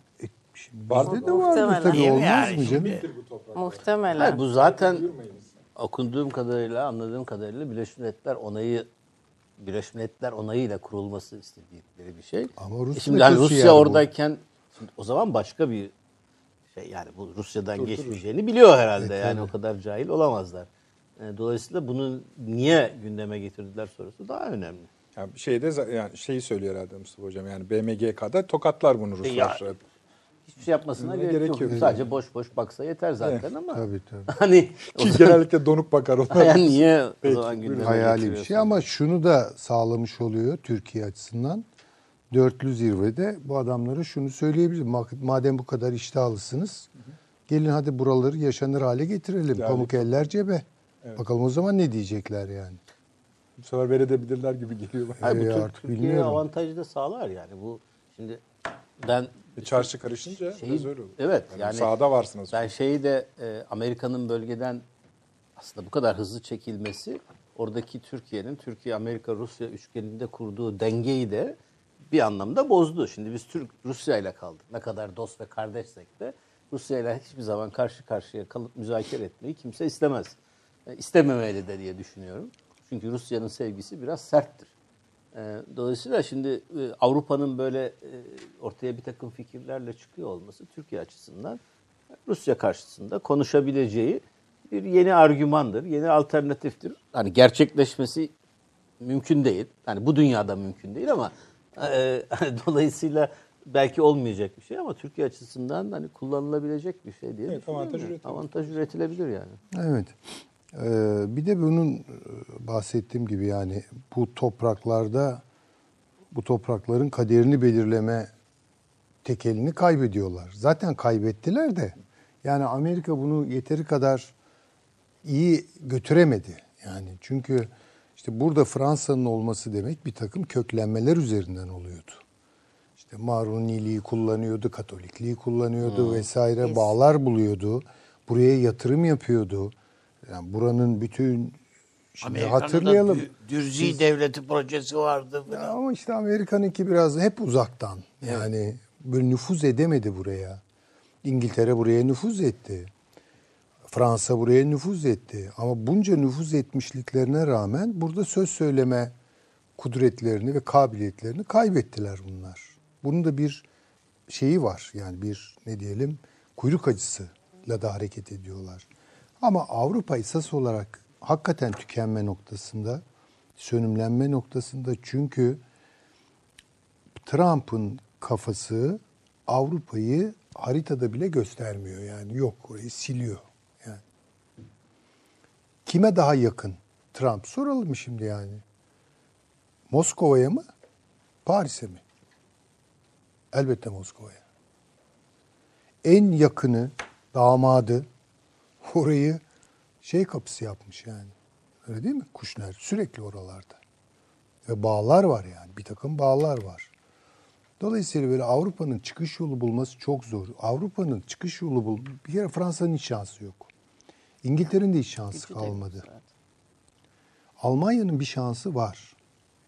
O da Rusya ile olan tarihsel yani Brandt doktrininin getirdiği bir tarihsel yakınlık üzerinden buraya girebilir. Ama bu da çok bayağı bir hani ne Demek diyelim isteyecek. değişik parkurlarda koştuktan sonra filan. Kolay değil o işte. Bu mümkün.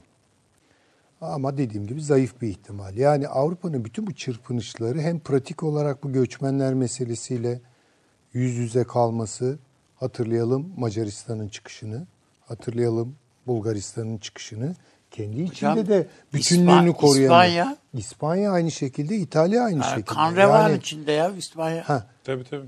yani bir de şimdi onların içinde şöyle bir problem var. Büyük patron Almanya bu göçmen meselesini İtalya'ya ihale ediyor.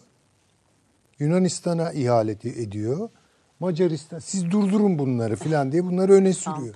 E bunlar da yeter diyorlar yani. yani dolayısıyla İspanya alenen Fransa'yı suçluyor. Fransa'yı suçluyor, Katalonya İtalya öyle. Teröründen. Yani birlikte fotoğraf vermediler yani. Fransa, İtalya, e, Almanya bir araya gelecek. Avrupa Birliği Evet. toplantısında İtalyan Başbakanı gelmem ben sizlerle fotoğraf vermem dedi. Bu derecede yani. Keskinleşmiş bir durumda. Onun için Avrupa'nın bu çıkışları bence biraz fan, fantazi yani şey kelime itibariyle şeyi de tutturamadılar. Ben bu konuda doğrusu bir şey bir takım adımlar atabileceklerini bekliyordum bu Avrupa ordusu meselesinde. Onda da çuvalladılar. Ya o konuda üstad haklı çıktı. Ben biraz daha ihtimal veriyordum. Ama böyle bir şey de olmadı. Bundan sonra da olacağı yok zaten. Ee, İngiltere çok berbat durumda. Fransa berbat durumda. Almanya ekonomilerini de izlemek lazım. Bunların ekonomileri de dökülüyor. Yani iki dönemdir o üretken Almanya. Yani Almanya ne demek? Yani üretkenliğin sembolü olan bir ülkede Evet. iki dönemdir resesyon. Yani her sene bütçeyi çok çok fazlayla bitiriyor yani. Düşünün yani. Evet yani ülke- üçüncüye giderse kriz zaten. Zaten yani. öyle. Bu ekonominin altın kuralı yani. Bu durumdalar. Dolayısıyla çıkış yolları yok. Zaten Avrupa bunu görmüştü. Ve onun için bu dolar üzerinden Amerika'nın İkinci Dünya Savaşı'nın sonundan itibaren başlattığı o hegemonyayı Çin üzerinden kırabilir miyizin derdine düşmüşlerdi. Şimdi bunu cezalandırıyorlar. İngiltere'nin ödediği bedel bu, Fransa'nın ödediği bedel bu. Yani tam lafınızın üzerine İngiltere Başbakanı da erken seçim için pazartesi günü önerge vereceğini açıkladı. Yani yani ama işte kav- devam ediyor yani. Dönüp duruyor. Tabii, tabii.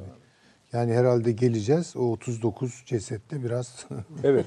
bu bununla alakalı. Nurşin yani. Hocam siz de bu konuda görüşlerinizi alayım. Oradan 39 cesede geçelim. Tamam çok ilginç bence bu tamamen e, tabii şu anda NATO'nun e, sınırları yani güneydeki sınırları bir şekilde Suriye üzerinden Rusya ile birlikte devriye yapılıyor.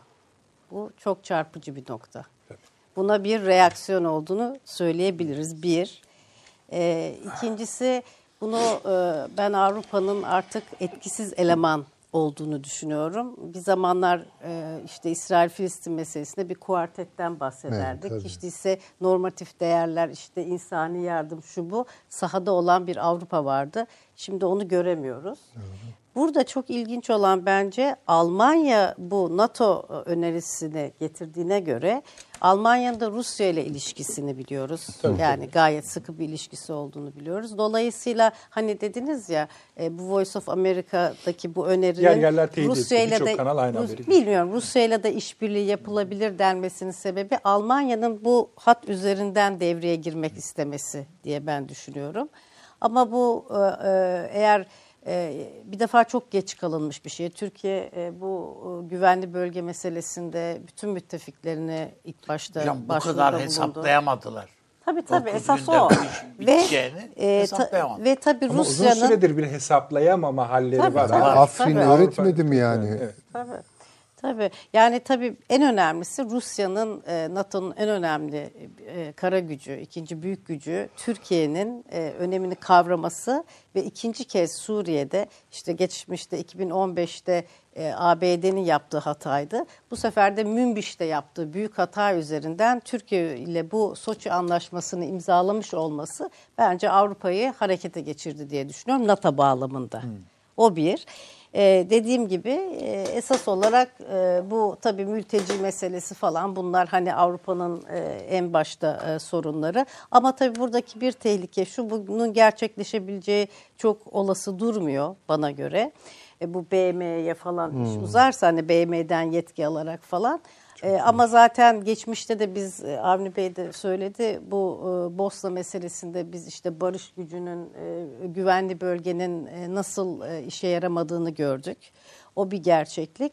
Ama esas olarak bu işi sulandırmak ve bence e, Türkiye ve Rusya'nın bu Soçi anlaşmasındaki e, bu e, mutabakatı sulandırmak ve uluslararasılaştırmak adına bu girişimlerin e, yani bu Doğru. girişimleri e, tasallut etmelerinin sebebi bu. Yani olayı sulandırmak, e, dikkati dağıtmak e, gibi diye düşünüyorum ama en önemlisi bence e, şu anda NATO'nun sınırlarının belirli bir kısmının Suriye ile birlikte e, kuzeyinde e, e, Rusya ile e, Türkiye'nin ortak devriyesi. Soğuk Savaş döneminde Rusya elinden gelen her türlü propagandayı, her şeyi yaptı ve, Ve NATO'nun için Türk-Amerikan devriyesinin işe yaramamasının Tabii ardından. ama o hep O kendi hata. Yani sadece bu devriyenin kendi sembolizmi Tabii yeter ama işte o anlamında. Mü- Münbiş'teki hatanın Evet. Amerika orada da çok büyük bir hata yaptı. Dolayısıyla onun e, şeyini oradaki o hatanın e, fırsat o hata üzerinden en büyük fırsatı Türkiye bu- e, Rusya burada yakaladı. Bu ilk kez değil. Bence bu Soçi anlaşması Rusya'nın Suriye üzerinden Orta Doğu'ya geri dönüşünde en büyük hamlelerinden biridir. Bunu kaldıramadıkları için bence şimdi tabii Türkiye'nin de şu andaki e, sahadaki somut gücü Rusya ile de birlikte bunu nasıl dengeleriz, ne yaparız arayışları diye düşünüyorum. Şey mi diyordun abi? Şöyle bu FETÖ olayını Rusya iyi okudu. Bunun Tabii. Türk ordusu üzerindeki tahribatını na- na çok güvendiler. Evet, doğru. O hesaplara çok güvendiler. Bir şeyi daha eklemek istiyorum bu Almanya ile alakalı. Türkiye'nin harekatının başladığının ertesi günü bizim basında Avrupa'da görmedim. Ama bizim basında Volkswagen Türkiye yatırımını erteledi haberi geldi. Evet, Tabii, doğru. tabii. Sonra öyle de değil konuştuk, dediler. Volkswagen hemen açıklama yaptı. Öyle bir şey. Böyle bir şey yok. doğru. Doğru. Ama biz burada epey köpürtüldü yani bu. Tam da o Yani sırada. öyle. Onun için ben şimdi de yani bu Avrupa'dan gelen efendim orada birlikte bir şey güvenli bölge bilmem ne falan şeylerine içeriden de e, bir bir takım Gayet e, şeyler romantik destekler çıkamış çıkabileceği kanaatindeyim. Şu birinci bölüme açıkçası. biraz daha açıklık getirmek ister misiniz? Bu Rusya'nın FETÖ meselesini doğru okuduğuna ilişkin. Şöyle, Rusya öteden beri Türkiye ile yakın çalışmayı, işte bu S-400'ler de dahil olmak üzere, ya bu bunları istiyor idi. Fakat ama buna kesin bir engel koyan bir yapı var. Türk Silahlı Kuvvetleri. Yani o zaman FETÖ'nün hakim olduğu, Olduğu. bir silahlı kuvvetler O çöktüğü için. bu düşmanlığı o uçak düştü, sen mi düşürdün ben mi düşürdüm falan kavgaları filan şeyleri filan tartışmaları filan burada. Ama yetmedi. Son derece önemli bir hadise bu. Rusya'nın Büyük- Türkiye Büyükelçisi öldürüldü. Savaş nedeni. Yani Üst üste. bu hani o tıpkı o bazı suikastlarda Kennedy suikast dahil görüldüğü gibi suikastçıyı da birisi öldürdü orada. Bunların hepsini Rusya doğru okudu. Normalde savaş sebebi yani bu neredeyse. Yani bu böyle bir şeyin yüzünden değil mi? Avusturya veliahtının öldürülmesi yüzünden dünya savaşı çıktı yani. Şey değil. Bunun üstünü çiz, sildi yani Rusya.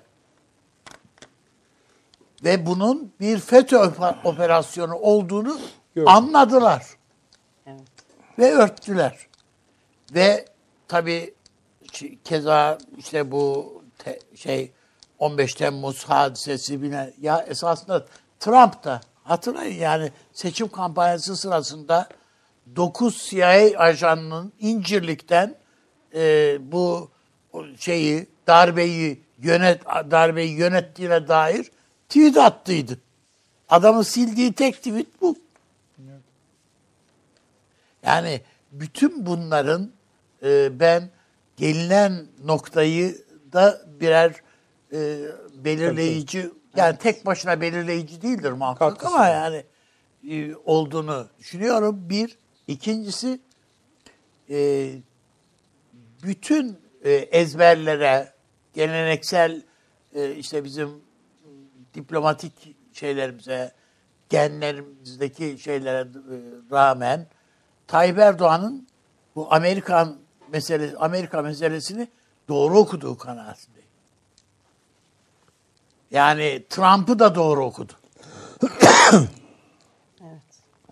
Onun için yani bu hani burada da demin de konuştuk. Yani Trump'ın attığı bütün o tweetler filan hiçbirisi boşuna değil. Adam kendisi için bir tek bu hocamın söylediği mesele önümüzde ciddi bana göre.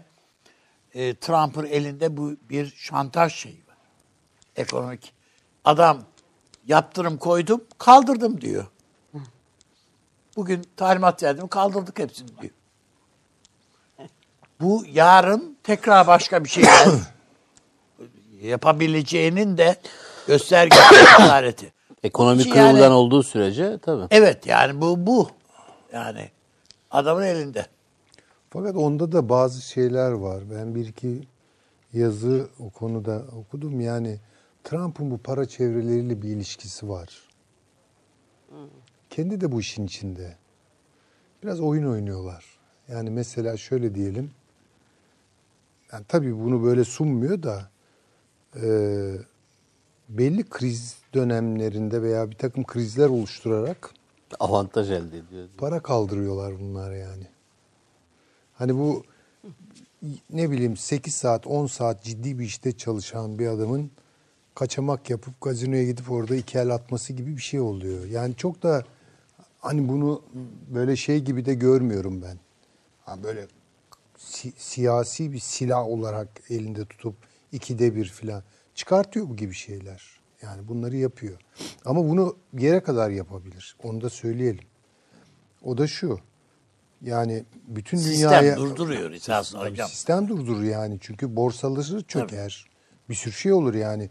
Bu oyun böyle büyük varlıklar yatırarak büyük fedakarlıklar yaparak oynanacak bir oyunda değil. Ya mesela bugün Amerikan borsası Fed'in bütün açıklamalarına rağmen 2008'de olduğu gibi, 2009'da olduğu gibi coşmadı. Yani para basacağız diyor Fed. Borsa durduğu yerde duruyor yani. Böyle çok kolay oynayamaz yani. Yani Hocam Amerikan problemi üretim yok. Tabii ki üretim yok. Problem öyle marka satarak idare ediyor, silah satarak idare ediyor. Şimdi, Şimdi doğru. yani bu, bu, bu.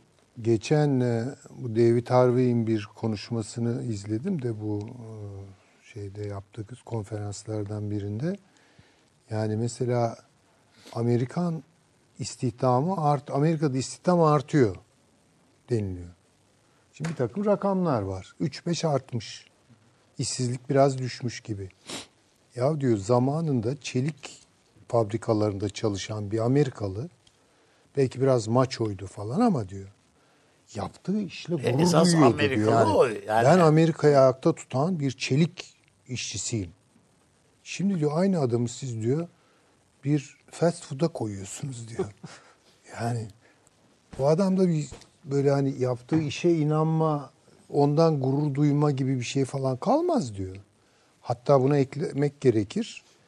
Birçok böyle kalifiye mavi yakalı şey pardon beyaz yakalı insan bugün o fast food'larda falan çalışıyor. Emlak bürolarında falan çalışıyor. Müthiş bir şey var. Dediğiniz gibi Evet. o etkinlik duygusunu kaybetmiş bir toplum şeyi artıyor. Ve mülksüzleşme çok yıkıcı bir sonuç. Yani bu çok açık yani bu neoliberal ekonomi mi ne dediler? Hoş bunların kurucuları işte o Hayek'ler, bilmem Mises'ler, e, Popper'ler falan bunlar bu niyetlerle belki konuşmadılar da gidişat çok kötü oldu yani. Ya Gidişat çok kötü oldu ve bütün dünyayı çok ağır şeyler Hocam getiriyor çok yani. büyük değer işte mesela sizin bir e, şeyi Ford'u üretmek var. Evet evet. Bir de Facebook'u üretmek var. Hah, işte yani ikisi arasındaki birisi fark. hayal hayal üretiyorsun Tabii, tabii, yani. tabii. Öbürü bir meta Tabii tabii. ve üzerinde emek, emek var yani. Emek, Emek, var. Tabii tabii. Emek Tabii. var, emekçi var. Evet. Doğru. bakıldığında e, Amerika'daki şeyin esas kaynağı bakıyorsun Hollywood bilmem ne falan yani esas paranın büyük paranın döndüğü Tabii tabii. şeylere odaklara bakıyorsun. Bunlar silah sanayi yanında bu bu yanında bu. 3-4 tane kalem. E, dünyanın en büyük spor malzemeleri markası nerede üretiliyor? Vietnam'da. Tabii. Bilmem ne nerede üretiliyor? Filipinler'de. Yani Amerikan bunların hepsi Amerika'nın büyük markaları yani. Bir de şöyle bir şey var yani mesela Amerika bu high tech'i İkinci Dünya Savaşı'ndan sonra Japonya'ya, bilmem Güney Kore'ye, Malezya'ya, bilmem Singapur'a, Tayvan'a böyle karşılıksız gani gani verdi. Çünkü oradan gelen artığı çekme potansiyeli vardı. Çünkü bunu üretenler Amerika'yı terk etti. Dolayısıyla Çin'e çok bozuluyor. Tabii ki Huawei'ye çok bozulacak yani. Çünkü artık kontrol dışı. Kendi ürettiği bir şey elinin altından kayıyor. Para gidiyor. Dolar gidiyor. Teknoloji, Teknoloji gidiyor. 5G'ye karşı Amerika geride. Buyurun. Çünkü Huawei götürüyor. Şöyle yapalım e, izin verirseniz. Bu İngiltere'deki o Dehşet Deniz vaka üzerinden yürüyerek yani bu çatırın içinde bulunan 39 birisi de çocuk zaten e, insan üzerinden bir küresel okuma yapmaya çalışalım. Yani Çin'e de giderek Tamam. öyle bir durum var. Bir de şeyi hatırlatayım. Bu NATO konusu geldi. Demin onu tartıştık. Amerika Birleşik Devletleri Savunma Bakanı orada bir teklifte bulunacaktı. Onun da olup olmadığına bakacağım biraz sonra ama teklif şuydu. Bu körfez ülkelerinin Körfez korunmasında NATO ülkeleri katkı versin. Ne katkı verecekler? İşte hava savunma sistemleri, uçaklar vesaire. İşte güldüğünüz için benim de aklıma o gelmişti zaten. E, olur mu olmaz mı bilmiyoruz ama Türkiye'nin elinde hava savunma sisteminin araç gereci var. Bir tanesini de oraya gönderebilir belki Türkiye. 30 saniye reklam arası. Türkiye'nin tek haftalık haber dergisi Gerçek Hayat, gündemi yakından takip ettiği dosya ve röportajlarıyla her pazartesi okuyucusuyla satış bayilerinin raflarında buluşuyor. Gerçek Hayat artık sayfalardan dijitale taşıyor. Sayfalara sığmayan yazılar, röportajların perde arkası, interaktif içerikler. Gerçek Hayat artık size daha yakın. Tüm içeriklerden ilk haberdar olmak istiyorum diyenler Gerçek Hayat GZT'nin sosyal medya hesaplarına davet ediliyor. Reklam arası sona erdi. Döndük efendim akıl odasındasınız. Süleyman Hocam şeyden başlayabiliriz. Siz bu um, İngiltere'de yaşanan olayda ne anladınız? Yani tabii bu bir tarafıyla polisiye bir olay. Çok münferit bir şey de olabilir, tesadüfi bir şey de olabilir ama artık böyle tesadüflerden çok şüphe etmeye başladığımız bir Dönem. dönemde yaşıyoruz. Ee, yani İngiltere'nin şöyle bir hesabı vardı. Bunu görmek lazım. Yani koca bir dünya hakimiyetini siz ellerinizle Amerika'ya teslim ediyorsunuz. Evet, diyelim ki Amerika yakın komşu, kuruluşunda emeği var filan ama e, İngiliz zihniyetinin, hakim siyasi zihniyetinin biraz dip taraflarında bir Amerika'dan kovulmuşluğun acısı vardır. İki, bir de şeyi terk etmiş olmanın, dünya hakimiyetini terk etmiş olmanın getirdiği bir şey. Tabi bunu zekice ve pragmatik bir şekilde kendi yararına da dönüştürmüştür. Ama e, Amerikan ekonomisinin özellikle 1970'lerden başlayan bu durgunluğu, e, üretkenliğini kaybetmesi meselesi filan, krizlerle yüzleşmesi, İngiliz moda tabiriyle derin aklında acaba bu bir fırsata dönüştürülebilir mi gibi bir açılım doğurdu. E, Çin söz konusu olunca dünyanın yeni sıklet merkezi olarak e Çin bunların zaten eski sömürgesi. Yani buradan toparlayabilir miyiz bir şeyleri? Para Amerika'dan kaçıyor, teknoloji Amerika'dan kaçıyor Çin'e. E Çin de benim eski arazim. Yani acaba bir şey yapabilir miyiz? E, fakat bu tabii duvara çarptı. Yani bu açılım duvara çarptı ve e, sonuçta e, İngiltere'yi böyle ortadan ikiye böldüler yani. Öyle gözüküyor. Öyle gözüküyor.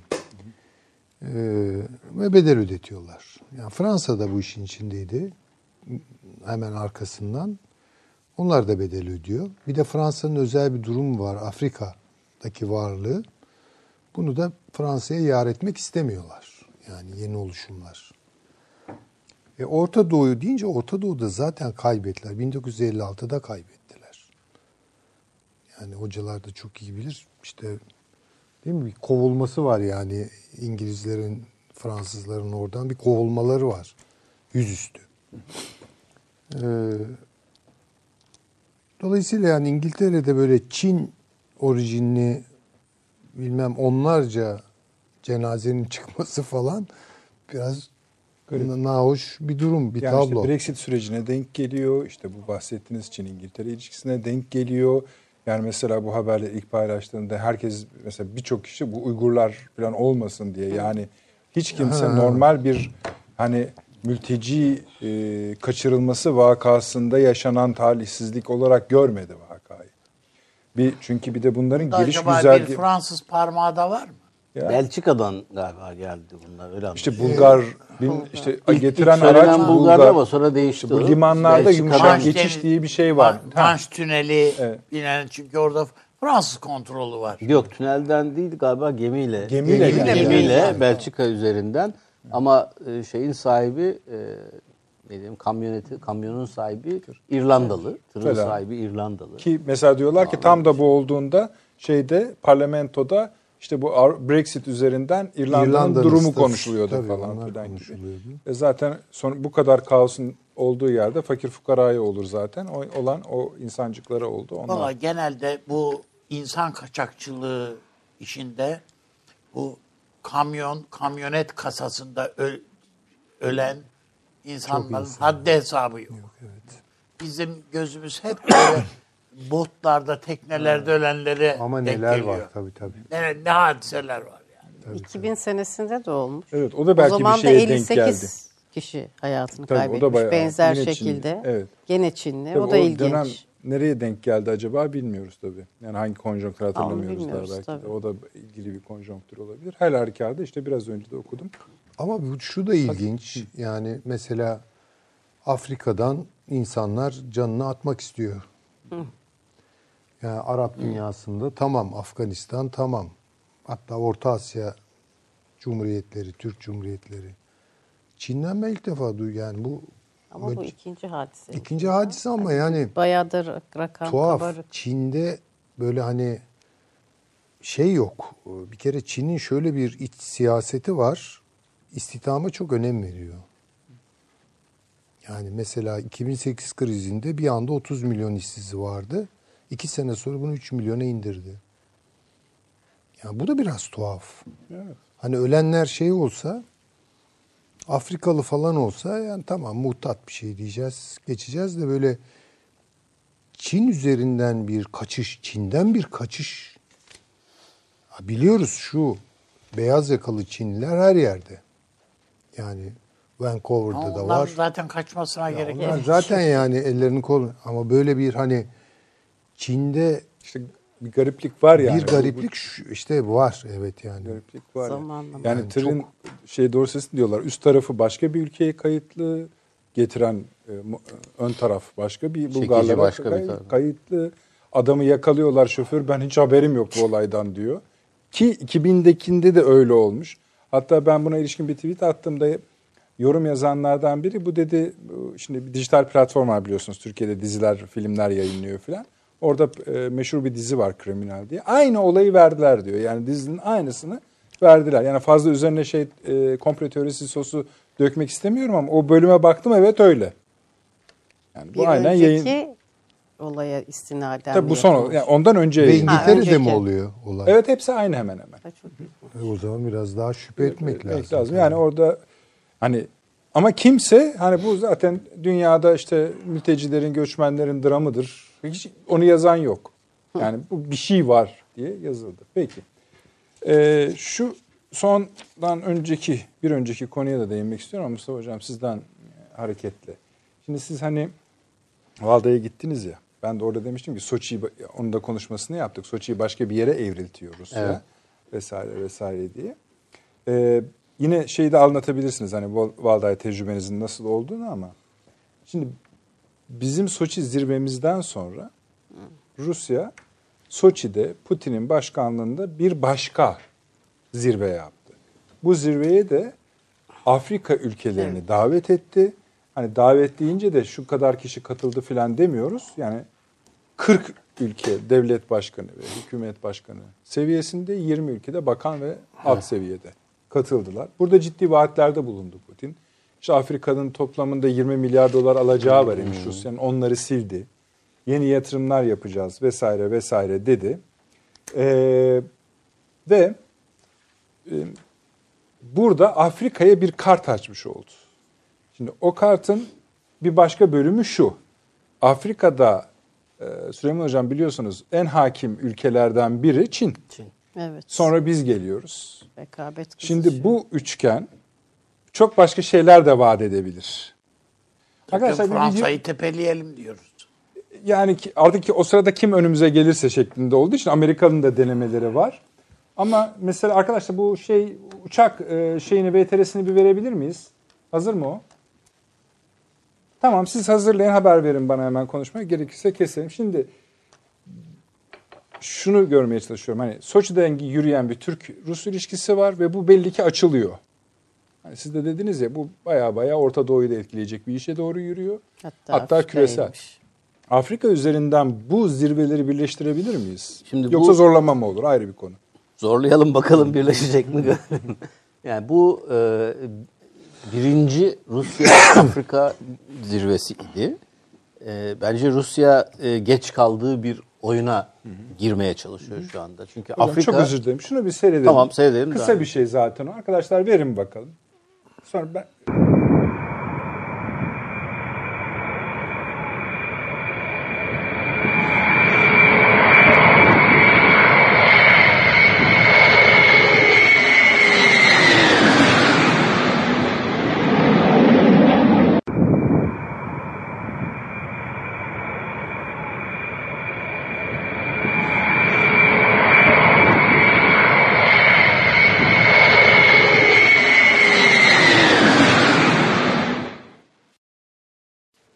ne, ne, ne seyrettik değil mi? Ne seyrettik? O iki tane ufak, ufak savaş uçağı, ufak değil normal onlar. Yani normal yani diğer uçağa kıyasla iyi oldu onların orada olması. Güney Afrika Cumhuriyeti'nin savaş jetleri onlar. Evet. Büyük uçak Rusya'nın bugüne kadar geliştirdiği uzay bölümüne ait en büyük savaş uçaklarından bir tanesi ve bu şey yapılırken Soçi'de zirve yapılırken e, bu uçaklar Güney Afrika Cumhuriyeti'ne iniyordu. Yani orada artık hani askeri olarak da hatta askerin de üstünde bir yerde Rusya'yı görüyoruz. Buyurunuz. Şimdi e, sen bunu söyleyince e, yine bu arada e, Sırbistan'da bir askeri manevra var. E, Rusya Sırbistan'a da S-400 gönderiyor bu manevraya katılmak açısından. Şimdi şöyle e, hepsini birbirine aslında bir şekilde bağlayabiliriz. Rusya Ama şunu görüyoruz. a- abanıyor Rusya. Rusya yani hani e, arada da e, sen sordun konuşmuştuk. Valday'da ne görüyorsunuz, ne öğreniyorsunuz diye aslında şunu öğreniyoruz.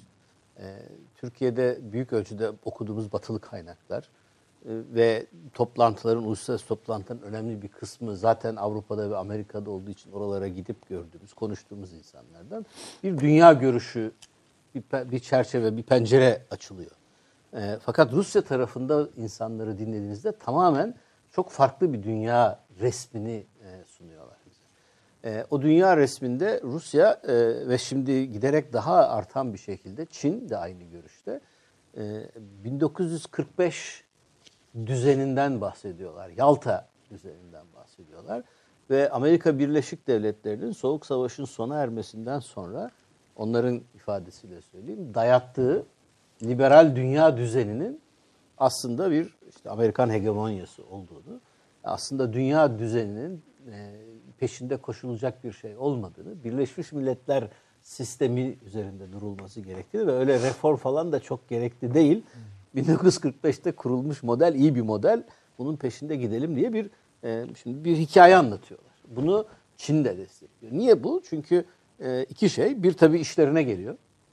Orada avantajlı durumdalar. İki, Amerika Birleşik Devletleri'nin Soğuk Savaş sonrası dönemde zorlayarak değiştirdiği bir takım modeller var. E, uluslararası sistemde değiştirdiği şeyler var. İşte e, koruma sorumluluğu diye bir kavram ürettiler. İşte daha önce e, Bush döneminde e, bu e, ön alıcı vuruş diye şey yani bunların hani hukuki altyapısını oluşturmaya çalıştılar. E, işte e, Kosova'da müdahale, Sırbistan'da müdahale. En sonunda e, nihayetinde Libya'ya gelip müdahale yapınca Rusya bir dakika ne oluyor? Hani bu koruma sorumluluğu tamam uluslararası sistemin toplumun bir sorumluluğu var. E, diktatörlere karşı vesaire halkları korumalı falan dediniz ama sonuçta bakıyoruz siz bunu hep e, Batı'nın genişlemesi ve kontrolü genişletmesi için kullanıyorsunuz dediler ve Suriye'ye gelince buna bir çiz- çizgi çektiler. Ve şimdi buradan başka bir hikaye üretmeye çalışıyor. Bence geç kaldığı bir yarışa aslında tabii geç kalmasının bir nedeni var. Çünkü e, ekonomisi e, ni toparlaması anca e, belli bir Bu, aşamaya bu gelmiş oyun bayağı durumda. çünkü masraf istiyor. E, yani tabii. Çünkü İşte çok bak yani- ciddi askeri masraf istiyor. siyasi 20 milyar masraf dolar gitti mesela. 20 milyar doları unutman gerekiyor vesaire. O, o daha başlangıç. Önemli. Afrika'da aslında ilk açılımı yapan Çin hepimizin. Yani hiç kimse yokken Çin Afrika'da ciddi yatırımlar yaptı. Ciddi bir ticaret ağı kurdu. Enerji kaynaklarına e, e, aksesi var, ulaşımı var. Ve daha enteresanı aslında bunu Çin başlattı. Şimdi Türkiye'de yapıyor. Afrika'da toprak kiraladı. Oralarda üretim, tarım üretimi yapmaya başladı Çin. E, daha Bunu sonra Avustralya'da da yapardı. Başka yerlerde de yapıyor da Afrika'da da. Ee, ama hani Afrika'da kimsenin Hatta aklına Rusya'da- hayaline Tabii. gelmiyor. Hatta Tarım yapılacak, Rusya'da bile yapılacak değil mi yani? Ee, Ukrayna'da büyük araziler kiraladı. Yani Çin bunu başka yerlerde de yapıyor ama bunu Afrika'da Tabii, başladı. Ee, Daha sonra Amerika Birleşik Devletleri petrolün izini sürerek Afrika'da bir takım yerlerde bir takım girişimler.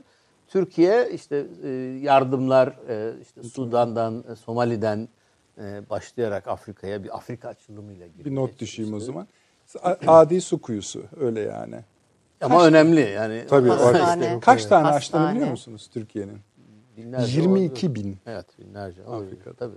Abi Bu çok önemli. Yani. Ee, dolayısıyla şimdi Rusya e, yine biraz geriye dönüp bakarsak Soğuk Savaş döneminde Rusya aslında Afrika'da önemli güçlerden bir tanesiydi.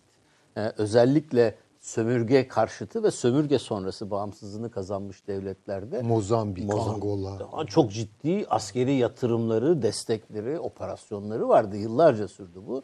Ve orada bir ciddi e, Amerika Birleşik Devletleri, Rus ve Sovyetler Birliği arasında ciddi bir rekabet vardı. Ama Soğuk Savaş bitince tabii e, Rusya Sovyetler Birliği'nden sonra bütün bu bölgelerden çekilmişti. Şimdi bence e, yeniden bir geliş çabası var. E, buna nefesi yetecek mi? E, ekonomisinin gücü yetecek Çok mi? zor. Bilmiyoruz ve zor gözüküyor aslında. Yani ekonomisi çok ne diyelim derinliği olmayan bir ekonomi. Rus ekonomisi büyük ölçüde e, o yüzden de Türkiye ilişkisi çok önemli. Silah satışları üzerine ve enerji üzerine dayalı. Enerjinin de kontrolü aslında Rusya'da değil biliyorsunuz. Fiyatlar aslında uluslararası piyasada büyük ölçüde Amerika'nın etkisiyle belirleniyor. Amerika fiyatları artırdığında Rusya para kazanıyor. ABD ve Türkiye'nin desteğini alabilir Afrika'da. Rusya'nın bir tek şansı var. O da Türkiye. Türkiye ile birlikte gidersin. Çünkü Afrika'nın Afrika'da. derdi Afrika'nın iki derdi var. Birisi su ve bağlı olarak gıda. Yani aç Aç. bir Tıp, toplum. tıp, tıbbi yani. Ha, yani hepsi e, insani. İnsan. Yani, e, Bir de tabii buna eline silah versen ne olur yani? Ee, Rusya'nın bence son dönemde bu iki yani silah, sanayi ve e, enerjiye bir üçüncü şey kattı. Ona hizmet sektörü de diyebiliriz ama anladığımız hizmet sektörü değil. O şöyle e, Putin ve onun etrafında oluşmuş olan bir e, diplomatisi e, grubu, Lavrov e, kuşağı ve ekibi. E, yani dünyanın bir takım sorunlu bölgelerinde ve bu e, liberal dünya düzeninden büyük rahatsızlık duyan, küreselleşmenin getirdiği endişeleri taşıyan bundan rahatsızlık duyan ve sorun üreten bir takım bölgelerde bazı çözüm önerileri ve sakin bir diplomasi yürütüyor. Aslında Ruslardan çok alışmış, alışkın olmadığımız bir şey. Sovyetler Birliği döneminde de Soğuk Savaş bitiminden sonra da Rusya'nın genellikle bağırmasına, e, sert tehditler savurmasına ve işte e, Gürcistan ve Ukrayna örneğinde gördüğümüz gibi e, çıkarına dokunulduğunda da askeri güç kullanmasına alışkınız ve öyle bekliyoruz. Ama mesela Orta Doğu'daki durumuna bakınca, şimdi Afrika'ya bakmaya başlayınca bu tavsiyeleri, konuşmaları fikri sorulan e, bir dünya liderine dönüşmeye başladı Putin. Bunu sürdürebilecekler mi? Daha e, kapsamlı çözümler getirebilecekler mi? Onlar bence daha açık. Yani onları görmemiz lazım. Bir de meselenin Çin boyutu var. Ee, enteresan bir şey tabii. Çin Soğuk Savaş döneminde de öyleydi. Ee, Amerika'da, Rusya'da Çin'le hem rekabet halindeler hem yanlarına çekmeye çalışıyorlar. Bu hani üçlü Soğuk Savaş döneminde de Kissinger'ın açılımıyla Amerika Çin'e yaklaşarak Rusya'yı dengelemeye çalışmıştı. Şimdi bir taraftan bakıyorsunuz Çin'le Rusya çok fazla alanda işbirliği yapıyormuş gibi gözüküyorlar Amerika'ya karşı da. Rakipler. Ya, ama inanılmaz derecede rakipler ve Ruslar Çinler Çin'den e, çok tedirginler. Çünkü e, Sibirya bölgesinde sınırı dahi artık kontrol edemiyorlar. Milyonlarca Çinli kaçak veya yasal olarak buraya gelip yerleşmiş durumdalar. Evet, ve o bölgenin nüfuzunu değiştirdiler tamamen. yani göz göre göre. Kırgızistan'a hakimler. Rusya'nın kendisinde yani bırakın Kırgızistan Rusya'nın kendi topraklarında e, ve tabii Rus nüfusu e, Rusya'nın nüfusu genel olarak düşüyor. Bu nüfus içerisindeki Rus oranı yani hep Amerika'daki Hispaniklerin arttığı, beyazların azaldığı konuşuluyor. Rusya'da Rus nüfusun oranı azalmaya Yani başlıyor. tabii ve 10 yıl zaten önce de demografik hani sorunları vardı. Ülkenin toplamına baktığınızda da nüfus azalıyor. Ee, buna karşılık da- Çin'den büyük bir nüfus baskısı geliyor. Özellikle e, Sibirya coğrafyası için. Dolayısıyla orada da büyük bir tedirginlik var. Onlar da bir şekilde şu Amerika ile e, aramızdaki e, anlaşmazlıkları bir oturtsak hale yola çöksek de şu Çin'e beraber baksak gibi de Bravo. bir şey de var Doğru. yani. Tabii öz, öz, Nurşin Hocam. E, Bence bütün bunlar aslında e, Rusya'nın o eski Soğuk Savaş dönemindeki büyük güç yani süper güçlerden biri olma hayalinin bir göstergesi. Yani şu anda kendini iktisadi olarak o Sovyetler Birliği'nin çözüldüğü dönemin aksine şu anda daha fazla e, imkanlara sahip olan Rusya'nın bence Afrika'ya bu işte re-engagement politikası yeniden duhul olduğu ve o ülkelerle belirli e, e, fırsatları da düşünerek e, girdiğini düşünüyorum ama burada da bir rekabet var. Bence Rusya Afrika'da ben de varım diyor ama bunun tabii ne kadar e, bir e, karı kendisine dönüşüm olur onu bilmiyorum ama tabii Afrika'ya da bakarken e, Çin'i söylüyoruz, Amerika Birleşik Devletleri'ni söylüyoruz. Herkesin bir orada e, bir kapmış olduğu saha var. Aynı zamanda mesela Fransa'nın ciddi e, bir Afrika politikası var. Orta Doğu'da başarılı olamadığı için e, bütün gücünü aslında Afrika bu yeni birliğine e, yöneltti. O, o da çok tartışılıyor aslında. Hani Fransa'nın da orada gücü ne kadar etkili olur ama bence bu tamamen bir pazar olarak da burayı ben Rusya'nın düşündüğünü düşünüyorum. Bir defa işte silah satışı olabilir. Buranın enerji kaynaklarından faydalanmak olabilir. Bu pazara girmek meselesi. Hatta nükleer enerji e, mevzusunda da reaktörler vesaire bu bu Afrika kıtası Hangi amaçla girerseniz girin Tabii. diğerlerini daraltmış oluyorsunuz. Tabii yani bu bir paz- bu yani. bir pazar ve e, buradaki jeoekonomik ve jeopolitik mücadele iç içe geçiyor ve bence hani Rusya nasıl şimdi e, Suriye üzerinden e, Soçi'de e, bu Orta Doğu'da işte Suriye üzerinden ben varım ve etkiliyim temel aktörüm diyorsa Afrika'ya da bu anlamda bir giriş yapmak istediğini düşünüyorum. Yani o geçmişteki jeopolitik e, işte e, parlak günlerinin o vermek istediği uluslararası ortama a, göstermek istediği Rusya'nın büyük bir güç olduğu ama kendisinin aslında o gücünün sınırlı olduğunu da bilincinde olarak bence Rusya bunu çok iyi yapıyor. Yani e, bir takım boşlukları e, çok iyi yakalıyor. E, bu işte Suriye meselesini gördüğümüz Tabii, gibi stra- 2015 stratejik olsun. verim üretiyor Tabii. oradan. Yani o e, biz bu kitabımızda da onu söyledik. Yani çok kısıtlı imkanlarına rağmen e, mesela o askeri kap- kapasitesinin de Amerika Birleşik Devletleri ile rekabet ed- e, nerelerde edip nerelerde etmeyeceğinin çok bilincinde. Mesela Blue Water Capacity dediğimiz işte bu okyanuslara açılan gemi e, e, de- e, uçak e, gemilerinin yerine e, Karadeniz'de etkili olabilecek ya da Akdeniz'e e, gidebilecek daha kısıtlı çapta hızlı hareket eden Baltık, donanmaya, Baltık, e, onlara ağırlık veren ve bu sayede o kapasitesinin kısıtlılığına rağmen hem iktisadi hem de e, askeri anlamda var olan boşlukları çok rahat dolduruyor. Bence bu Afrika'da da buraya giriş e, hem dışarıya karşı uluslararası topluma işte Rusya büyük bir güç hatta e, Amerika ya da Çin işte çok e, çok Afrika'nın gösterdiği ilgi de var ama tabii onu da görelim. Tabii yani. tabii tabii. Yani, Yani, o kadar o da yoksa çok doğal. o kadar Ama belki işte Türkiye nasıl Rusya'yla şimdi bir ivme yakaladı. Yani sadece ticaret, Aynı işte toplantıları enerji. biz de yapmıştık biliyorsunuz. Evet. Üç- bir, iki, üç Ee, defa hatta. Enerji, ticaret, işte turizm ve şimdi askeri alanda da bir işbirliği yapıyoruz ve şimdi şu anda e, bir NATO üyesi olarak dediğim gibi NATO'nun güney e, sınırlarını ortak e, devre yapma noktasına geldik. Belki buradan da Afrika'da da Türkiye ve Rusya'da bir e, işbirliği alanı yakalayabilir bilemiyorum. Yani o şeye bağlı. Göreceğiz Kapasiteyle ilgili Peki. bir şey. Ben biraz farklı düşünüyorum. Yani eğer bir Afrikalı olsaydım Rusya'nın bu duhulünden büyük endişelere kapılırdım. Sebebi şu. Bir kere Rusya çok iyi biliyoruz ki Putin bunu defalarca denedi. Yani bunu Petro'da denemişti ama daha işin başındaydılar. Bir ümit vardı. Boyarları hizaya çekip asalaklık etmeyeceksiniz. Gidip topraklarınızın başına geçeceksiniz.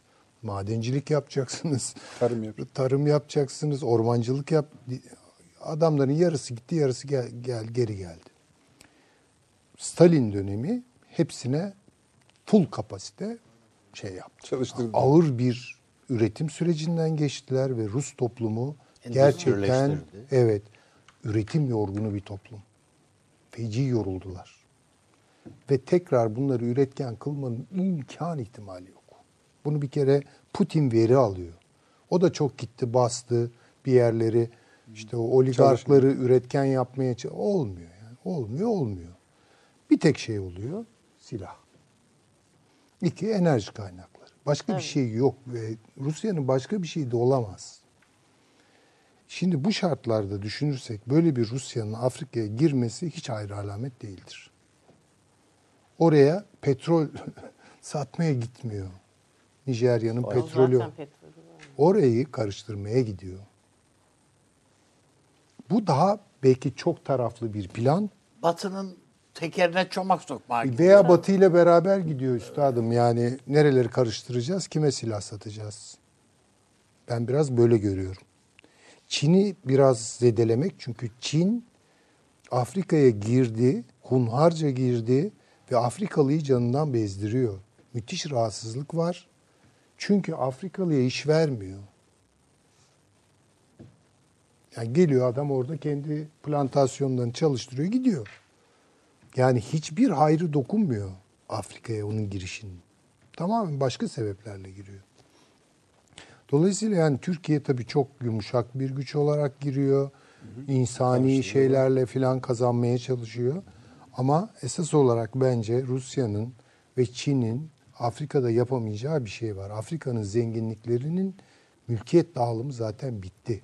Kavga olacaksa onların arasında olacak. Fransa ile Amerika arasında olacak. Olursa. Veya Amerika ile İngiltere arasında olacak veya Amerika ile Hollanda arasında olacak. Belçika arasında olacak. Çünkü özellikle Fransa'nın yaptığı korkunç bir şey. Yani sömürgecilik falan bitti ama adamların kanını emmeye devam ediyor. Kullandığı Afrika frankı üzerinden yani. Çok ilginç yani. Öyle mekanizmalar kurmuş ki. Ve en küçük bir şey olduğu zaman da paraşütçülerini gönderi veriyor, duman ediyor ortalığı falan. Şimdi Amerika bunu istemiyor. Amerika Fransa'yı Afrika'dan atmak istiyor. Kavga da o zaten. Ama bu Rusya'nın kavgası değil. Bu Rusya'nın kavgası değil. Bu Çin'in de kavgası değil bence.